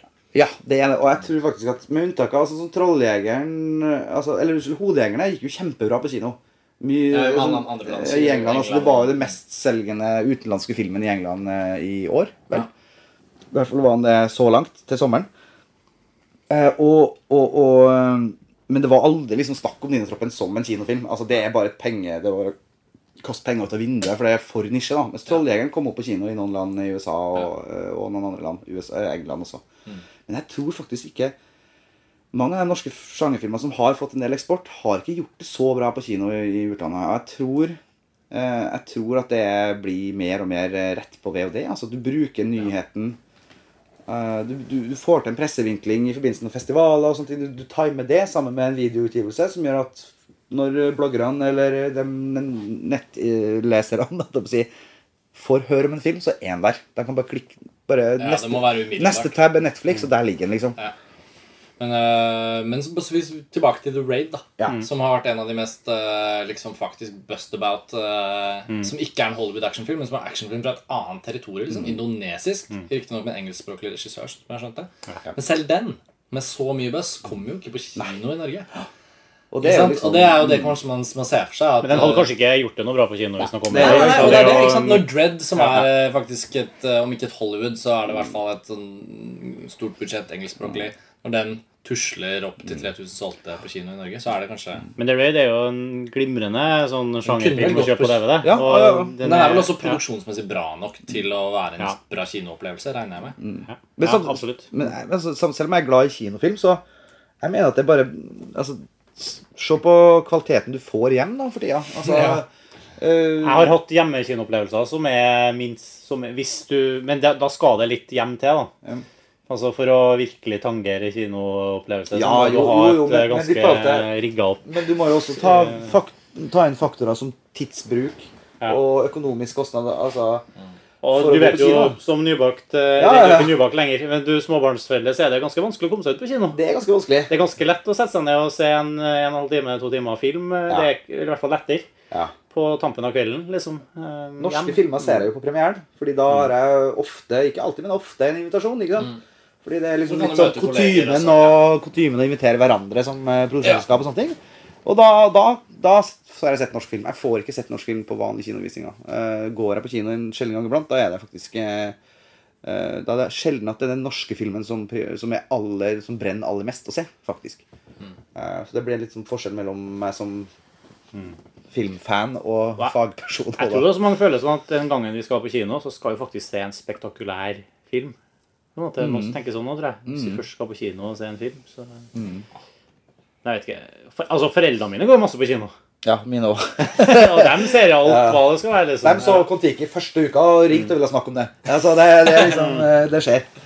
Men altså, hvor kinobuss Jeg, jeg hørte en statistikk for noen år siden liksom hvor eh, gjennomsnittsnordmannen går på kino én gang i året. Liksom, er, er vi der fortsatt? At det er liksom fire-fem millioner ja. kinobesøk totalt i Norge på et år? Jo. Ja, men så er det noen som går veldig mye, da. Det er vel mer enn Jo, jo. fire-fem Men så er det veldig mange som aldri går, da. Hvor, mange- Ja, sånn, kinobilletter selges Ja. i Norge? Det er ikke mer enn befolkninga, det. Nei. Det er mindre enn befolkninga. Eller er det omtrent befolkninga, kanskje? Ja, det var det, det, var Det det, det- det var det som statistikken var tilsa. At, eh, Kommer an på hvilket år de har en istid-film. Ja, det gjør jo det. Istid eller Kon-Tiki. Ja. Eller Max Manus. Ja. Jeg, jeg, jeg, så også Flukt da, før helga. Eh, Den, ja. dere skal vel helt sikkert ja, vi tenkte å følge opp dette med de norske filmene. Ja, da, sånn som dere vi har del, episode. Filmhøsten del to. Ja, vi, tror det blir del tre også. Ja. Så vi tenkte det må ikke være for mange filmer per Det episode. er sant. Ja. Så del to det blir 90 minutter og Flukt og den Liv og Ingmar. Og tror jeg ungdomsfilmen Skvis. ja, som har premiere denne uka. her. Ja. Eh, jeg tror det blir de fire. Og så tar vi det neste.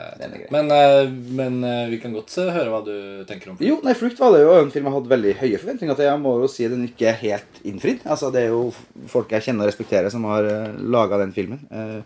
Men for meg så ble den litt for enkel og barnslig, rett og slett. Og det var faktisk litt av den Jeg måtte justere forventningene mine litt når liksom ti minutter av filmen har gått i forhold til Jeg trodde det kom til å være en eh, ganske voksen og drøy film, men så er den faktisk mer en eh, Jeg vil si at den er en eh, langt nærmere en ungdoms- og barnefilm, faktisk. Altså, men det går ikke når du har en del av den volden som er i filmen, heller. Nei. Så for meg havna den litt mellom to stoler der. Ja. Uh, den kortversjonen uh, av det, da. Men det er jo liksom helt klart eh, en, en film hvor eh, hvor eh, altså, Den er veldig bevisst laga, og de er veldig stilsikkert, uh, de som står bak filmen. Roar Uthaug, f.eks., og, og, og produsentene gjør jo en veldig god jobb. Eh, Men det er et eller annet med at filmopplevelsen uteble for meg, da. Eh, det ble nok. Desto mer gledelig at den har eh, gjort mye utlandssalg også. Og, Jeg er spent på å gå og se den. Den, er- den bekymringsverdige animasjonsfilmlengden er det eneste som gjør meg bekymret. Oh, ja. 70, hva var det? 74 eller 75 minutter? På en knapp time. Ja, flukt. Ja. Jeg syns det er så leit med filmer som har alt Det ser ut til at den skal være en sånn, sånn full filmopplevelse. Når det er så kort, så blir jeg litt sånn skeptisk. Tenker jeg sånn ah, 75 minutter, det er sånn Jeg husker, jeg tror Første gang jeg tenkte på at en kinofilm jeg så var veldig veldig kort, det var jeg så den animasjonsfilmen Ants Ja, fra ok. Dreamworks. Den der maurfilmen. Med som- Woody Allen uh, Ja, nettopp. som stemmer. jeg tror den filmen var 70 minutter, eller kanskje mindre. Jeg synes det var så utrolig kort film. Jeg ble så skuffet. Men hvor gammel var du da? Ants. Da gikk jeg vel på videregående, tror jeg. Ja, nettopp. For at barne, barnefilm skal ikke være mer enn det- eh, noen 70 minutter. Altså. Ja da, ja da, det er greit, men jeg bare, det var jo ikke helt en barnefilm på en måte heller. Den la seg litt sånn mellom Ja, en gang, nok en gang. To stoler. Ja. Men, men, ja. Ja da. Kan, det kommer, kommer tre tre timers lange Hobbiten-filmer snart.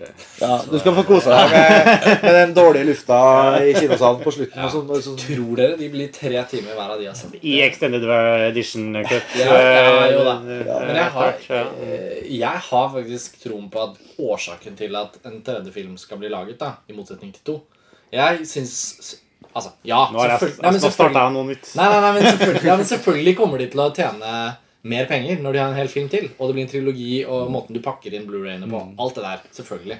Men det er noe med at dette er den aller siste gangen Jackson og co. og hele gjengen skal gjøre noe fra Ringenes herre.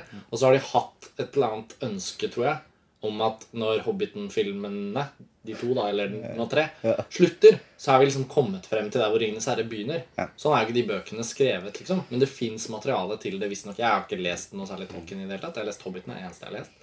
Men, ehm, men hvis de først mener at de kan bygge det sammen på en bra måte, så er jo rent sånn produksjonsøkonomisk så er dette den eneste muligheten de har. De har én sjanse til å binde det sammen på en bra måte. Og hvis det da krever en tredje film, så skjønner jeg hvorfor de gjør det. Og det er jo ikke sånn at fansen er på Det er jo mer sånn de der imellom, skeptikerne, som blir sånn Ja, fuck off, liksom. Motherfuckers. Enda en film. Eh, men jeg bare håper at de gjør det litt kortere. Jeg ser ikke helt poenget. Hvorfor skal de ha tre timer? Også rykter om at du skal putte inn materiale fra den Silmarillion. Jeg har virkelig ikke peiling på det i det hele tatt. Men jeg har hørt at de har fått eh, rettigheter til det, og at de nå plasserer inn noe Det er jo det de må gjøre, for det er jo ikke Så de, noe de fyller, nei, Hobbiten er jo en veldig Det er jo spinkel barnebok, apropos. Ja, de kunne laget det som én film. Og da ville det jo blitt en ganske tight film. Men det man håper nå, er vel kanskje at de gjør seg unna med den der lette, lettbente dvergehumoren i film igjen. Og så kan de to neste filmene med drager og litt sånn store kriger og sånn bli litt fetere, da. Jeg tror den første filmen kommer til å være den eh, minst bra. Og derfor tror jeg også det kommer til å smelle ganske hardt at den filmen ikke lever opp til Ringenes Og så herre. er toeren eh, som blir stående. Sånn som det var med Sånn som det er, ja. Sånn er det alltid. Sånn det alltid er, faktisk. Star Wars. Ja, ja. Ja, ja, er sånn. Terminator. The Wrath of Khan, Ja. ikke minst. Nei. Ja, nei, men eh, vi har jo Er det noe annet uh, småtteri som vi har sett? Som vi har... Det er jo TV-høst, da. Det er jo veldig mye gøy som uh, Ja, jeg ser ikke TV-serier. Nei. Jeg har sett, har sett Homeland. Ja, ok. Det har jeg ikke fått med. Starta opp sesong to. Ja, jeg har bare sett sesong én, da. Ja. Eh, men uh, sesong to går i vel USA. Mulig den går på TV i Norge òg. Men Ja. Jeg er sesong én er på er TV. Ja. Er du TV-serie-junkie, Svein? Jeg er ikke det. Nå har jeg planlagt Fint, å da er vi der, vi se to. Curb Enthusiasm sesong åtte. Den har jeg planer om å se den ved et år. Ja. Det er liksom der jeg er. Ok, ja. ja. Jeg, jeg gleder meg jo til Jeg har ikke sett det ennå, selvfølgelig, men eh, i England så har jo sesong fire av eh, The Thick of It starta opp. Som Å, ja. er den eh, Ja, den har jeg sett litt av. Men det er liksom den det er forskjell mellom den der dramaseriesesonggreiene og det som er mer sånn Ja, ok. Ja, Føler, ja, men er det ikke sånn? ja, for der er ikke Jeg hver, sett alt av hver episode en Seinfeld. film. ja, ok, ja. Nei, ja, ok, ja. Jeg vet ikke, er ikke det en litt sånn Men, annen men jeg mener, til, til tross for at sesonger sånn. Ja. Til tross for at eh, Homeland og sånn var en helt ok og spennende grosse, Men det er liksom det største, bortsett fra Game of Thrones, som alle ser på, selvfølgelig, som er veldig bra. Men det har på en måte vært Breaking Bad Ja. som har vært den store TV-serien for meg de siste, de siste året. Altså. Eller to par årene. Ja. Jeg har sett alt uh, i sommer. jeg. Hele Breaking Bad fram til Ja. og med sesong fem. Uh, som er, vi kom akkurat à jour. Ja. Det er jeg nysgjerrig på, for det har jeg Ja, det er et kunststykke, det er en Jeg har ikke sett noe av det. Det Hva er det som gjør at det er så bra? Hva er det det ligner på?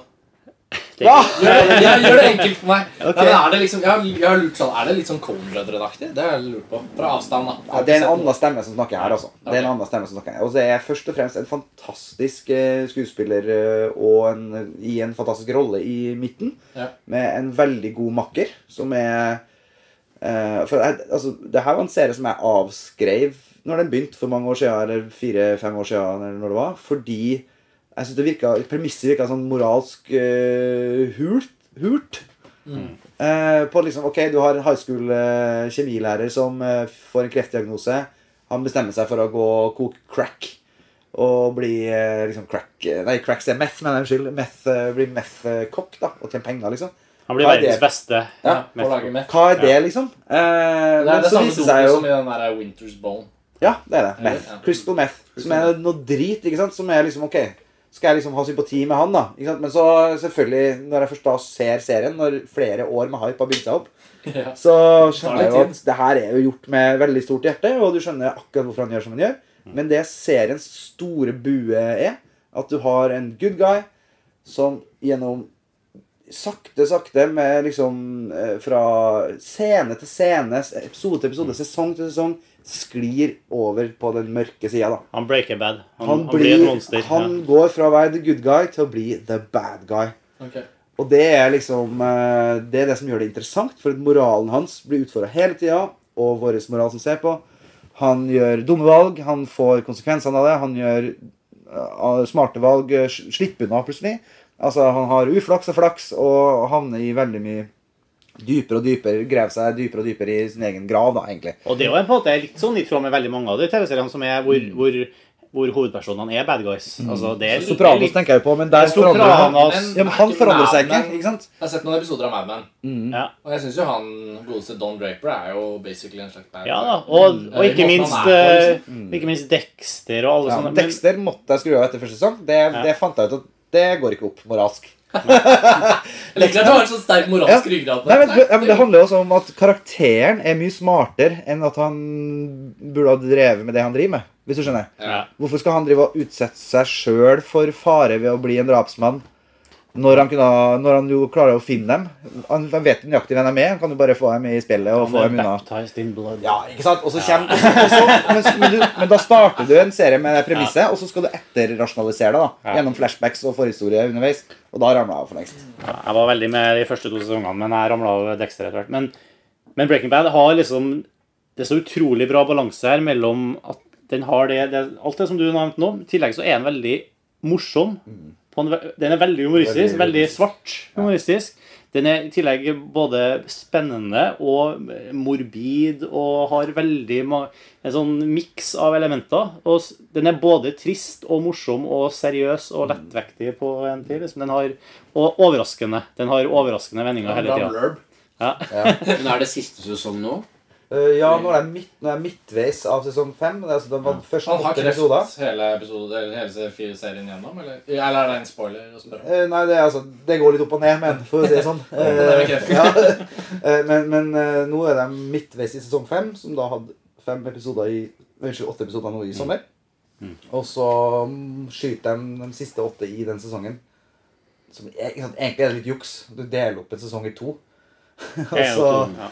Og så sier de at det er samme sesong, men egentlig det altså, ja. Men sesong fem et- Del to kommer på i mars-april. Og det er slutten nå? Det er slutten på serien. For jeg har sett første Yes. Mm. sesong, og jeg likte det veldig godt. Og jeg har liksom tenkt at når det er en serie som jeg vet blir avslutta, Ja. da kan jeg liksom starte på nytt og se hele. Oh, ja, ja, ja. liksom vet at, Men, eh, men jeg ble litt ja. overraska, for at etter da sesong fire var over, så var jeg egentlig klar for at ja, det er greit. Ferdig. Jeg trenger ikke noe mer. nå. Det er på en måte nok nå. Men eh, det er fortsatt Jeg har begynt å se på sesong altså, sesong fem. er også veldig Det er veldig bra. Det er kjempebra. Liksom. Noe av psykologien min i forhold til TV-serier som gjør at jeg begrenser meg og ikke se, sette meg ned og setter i gang det. Det er jo ikke fordi jeg ikke egentlig er interessert, men det er fordi at jeg er så redd for den avhengigheten som oppstår. Og fordi at det går med så utrolig mye tid som jeg trenger til å se film. Ja, det, det, det, det er Du må velge, vet du. Ja. du, du må, jeg skjønner det er, det godt. det er bedre for meg å ikke Ja. se på det i det hele tatt. Fordi hvis jeg først begynner litt, så blir Ja, det også- sånn også det verste med TV-serier, at det Det er samvittighet. Det er en investering å se TV-serier. For du må liksom Du må legge ned ganske mange episoder før du faktisk kan eh, bli enig med deg sjøl om at nei, det her er ikke bra nok. Sånn som du må. For at du må, du må liksom gi en sjanse. Du må Ja. gi en, og så begynner du liksom Å, nå har jeg sett faktisk fem episoder. Så nå da må jeg se resten. Nå må jeg se resten. Og så, ja. Paradokset er at i livet mitt, som er jo da, som du sier, har blitt Mm. en eh, altså, småbarnsfars liv, så har jo det faktum at du har den lille, liksom, lille stripa på kvelden hvor du har Ja. måtte, fri. Da er tanken på å sette på en to og en halv time lang eh, Ja. spillefilm er veldig, veldig fjern. Eh, samtidig så setter du da på en episode med Breaking Bad i stedet. Og så ser du tre. det var jævlig bra, så ser du tre og en halv time med det på rappen. Jeg kjenner meg Og veldig det, det jeg kjenner meg er, veldig igjen der, altså. fordi det er crack, da. Eller det Ja. er det mett? Det. Ja, crack er kanskje enda mer Ja. Nei, jeg vet da faen. Nei, men uh, Ille er det uansett. Ille er det i hvert fall. Det er Det er ille fiksjon. å bli utsatt for god kunst eh, over lang tid. Men vi har ikke fått snakke, vi har ikke vært innom TV-serier så ofte egentlig på Filmfest. Eh, Men Nei. det dukker jo ofte opp, fordi det viser seg jo selvfølgelig at flere av dere da eh, ser det, ser det ganske mye. Så det kunne, er sikkert, er det kunne jo sikkert vært interessant også å og gått kanskje veldig inn Ja. i det. For det det, det det har vi jo fått det eget forslag eh, om før fra lyttere. Ja, Det syns jeg vi skal gjøre, faktisk. Å ta en liten uh, Og det kunne jo også nesten vært interessant sånn Nå tenker jeg da at jeg ville vært lytter, da. Ja. Og det å sitte og høre noen gi meg en virkelig inngang i en serie jeg ikke har begynt å bruke tid på, da så vet man kanskje at man bruker tiden sin på rett sted. Og- og det, det- er jo overbevisende. Og det er jo et helt annet format, Band, liksom. For med, med historiefortelling om at man kan bygge eh, ting tregere. Liksom, hvor du Ja. har all den tida. Ja, det er liksom, noen karakterer ja. som vokser frem. Så føles det- jo desto mer bortkasta hvis serien ikke er bra. For eksempel, så, Nå skal jeg ikke si at Mad Men er dårlig, men jeg har, sett, jeg har faktisk sett tre sesonger av den serien for å liksom bestemme meg for om det her Du er skal bra. se den eller ikke? Ja. Ja, og nå nå har jeg sett ferdig tredje sesong, og nå har jeg bestemt meg for at jeg liker ikke den serien her. Skal ikke se mer. Og da føles det veldig bortkasta. Jeg vet ikke hvor mange timer som har gått med Så ser vi. Nei. Men jeg kan jo si Jeg kan jo snakke fra den andre sida av, eh, av Altså mot slutten av det som har gått, da. Og det blir Det tar seg opp igjen. Og det har jeg hørt Ja. så mange ganger. Nå Har han endelig klart å bestemme seg? Det Ja, skal ja. ikke bli med Nei, nei. Men, eh, men eh, det er veldig mye tilstand i altså, Du snakker om Don Draper-karakteren. Ja. Han er veldig mye Han bare, han bare gjør ingenting. Han bare Trekker- sitter der og røyker og og drikker røyker og og, og puler rundt som han alltid gjør. Så skjer det ikke en dritt. Og når ikke de klarer å komme opp med gode nok på en måte B- og C-historier eller eh, episodehistorier, så blir det Ja, men du, det der er det, det, det, altså. det er det som er fascinerende med TV-serier. Jeg, jeg, jeg har nettopp sett eh, sesong én av Tremay. Ja, det digger jeg jo. Det er jo fantastisk. Helt, eh, snakk om at det ikke skjer noen ting. Ja. Jeg, jeg, jeg kan nevne kanskje to ting som jeg husker faktisk skjedde i den serien, som er av Sånn betydning. Ja, sånn, av rene som plottelementer. Men den serien bygger karakterer og miljø og ting på en så flott og fin, treg og grundig måte at du liksom du, du blir på en måte sugd inn, selv om det ikke skjer en puck. altså. Jo, men det, men det, Ja. men det Men- er et sted men å det være. skjer jo, det, er ikke en, det er ikke en historie å følge, det er et sted å være. Og det er folk å bli kjent med. Sånn er livet deres. Sånn er det med de beste filmene også. Ja. Ja. Så Det er vanskelig å oppsummere liksom, de beste filmene med jeg sitter her og digger musikk som jeg aldri har uh, hatt Ja, noe interesse for utenfor TV-serien. ja. Orleans-musikk, liksom. Det er ikke noe som ligger hjertet veldig nært. Men de har bedre meg skildra det på en helt sånn fantastisk måte. Det er jo da serien, altså, den nåværende serien til David Simon som skapte The Wire, for dem som kjenner det. Han, har ikke de også akkurat avsluttet Tremay? Nei, jeg begynner på igjen nå. Okay. På, Jeg skal på, jeg skal begynne på sesong to nå. Men for den, den er ikke så mange sesonger. Jeg bare tenker sånn i forhold til hva Ja. man, hva man kan Ja. Ja, men, men det er liksom kremeksempelet på hvordan det formatet For at det der er liksom det, Jeg har vanskelig å se for meg det noe Altså, det, det funker som en TV-serie, da, men, men eh, har eh, Ja, har en dramaturgisk kurve som er veldig spesiell, da. Absolutt. Eller veldig jeg flat, er kanskje. helt, eh, Supert. Ja. Ja. Men på TV er en veldig stor verden, så vi skal ikke ta og kutte podkasten der. Nei, det blir sånn avslutnings... jeg syns det er gøy å høre dere snakke om det, i og med at jeg er liksom koblet av. Ja. Mm. Men ja, Kanskje det er kanskje vi er kommet til veis Kanskje vi ende. har- Vi har kommet til veis ende. Vi har jo allerede snakka om at det blir flere episoder om norsk film og sånn, men jeg Ja. tror vi har en ambisjon om at kanskje neste filmfest skal handle om Looper. Mm, Vi må i hvert fall ha en Looper-episode. Ja. Og så er det jo litt hyggelig Vi, vi snakket jo litt om det før Ja. episoden. Det er hyggelig å ta en litt sånn god gammeldags filmfrelseepisode eh, med en film i fokus og så litt småprat på slutten. Veldig hyggelig å sitte i samme rom, da, sånn som vi gjør nå. Det er ikke mye sånn eh, Det er ikke mye Skype-krøll. Nei. Og robotstemmen. Men, eh, Jeg hadde forventet at du skulle ta den sånn muntlig. Ja. ja, ja. vi vet ikke om det har blitt noe av det opptaket her ennå. Det får vi Nei, det er sant. Det får vi se etterpå. ja, ja, det sant. Det har vært hyggelig likevel, da. Da er den- eksisterer den bare for oss. Men hvis du hører det her, så blir den av. Ja, Da betyr det at den eksisterer. Ja. Eh, men vi er kanskje på Skype når det blir Looper, for da er nok du tilbake til Trondheim. Sannsynligvis. Så, men uh, gleder meg veldig til denne filmen. Så det blir, Den har jeg høye forventninger til. Så den har mye å leve opp til. Takk for laget, folkens. Takk for Bruk laget. kommentarfeltet vårt. Send oss mail. Filmfrelst at montasj.no. Og så er vi Korriger tilbake. eventuelle faktafeil og forglemmelser Ja. vi kan ha gjort. Og tips oss om navnet på den eh, skateboard-rollespill Ja. eh, i Trondheim som ikke var spillspesialisten. 1987-88. Bra. Da har vi et mission. vi et mission. Så er vi tilbake om et par uker. Det er vi. Vi snakkes. Ha det. Hei! Hei.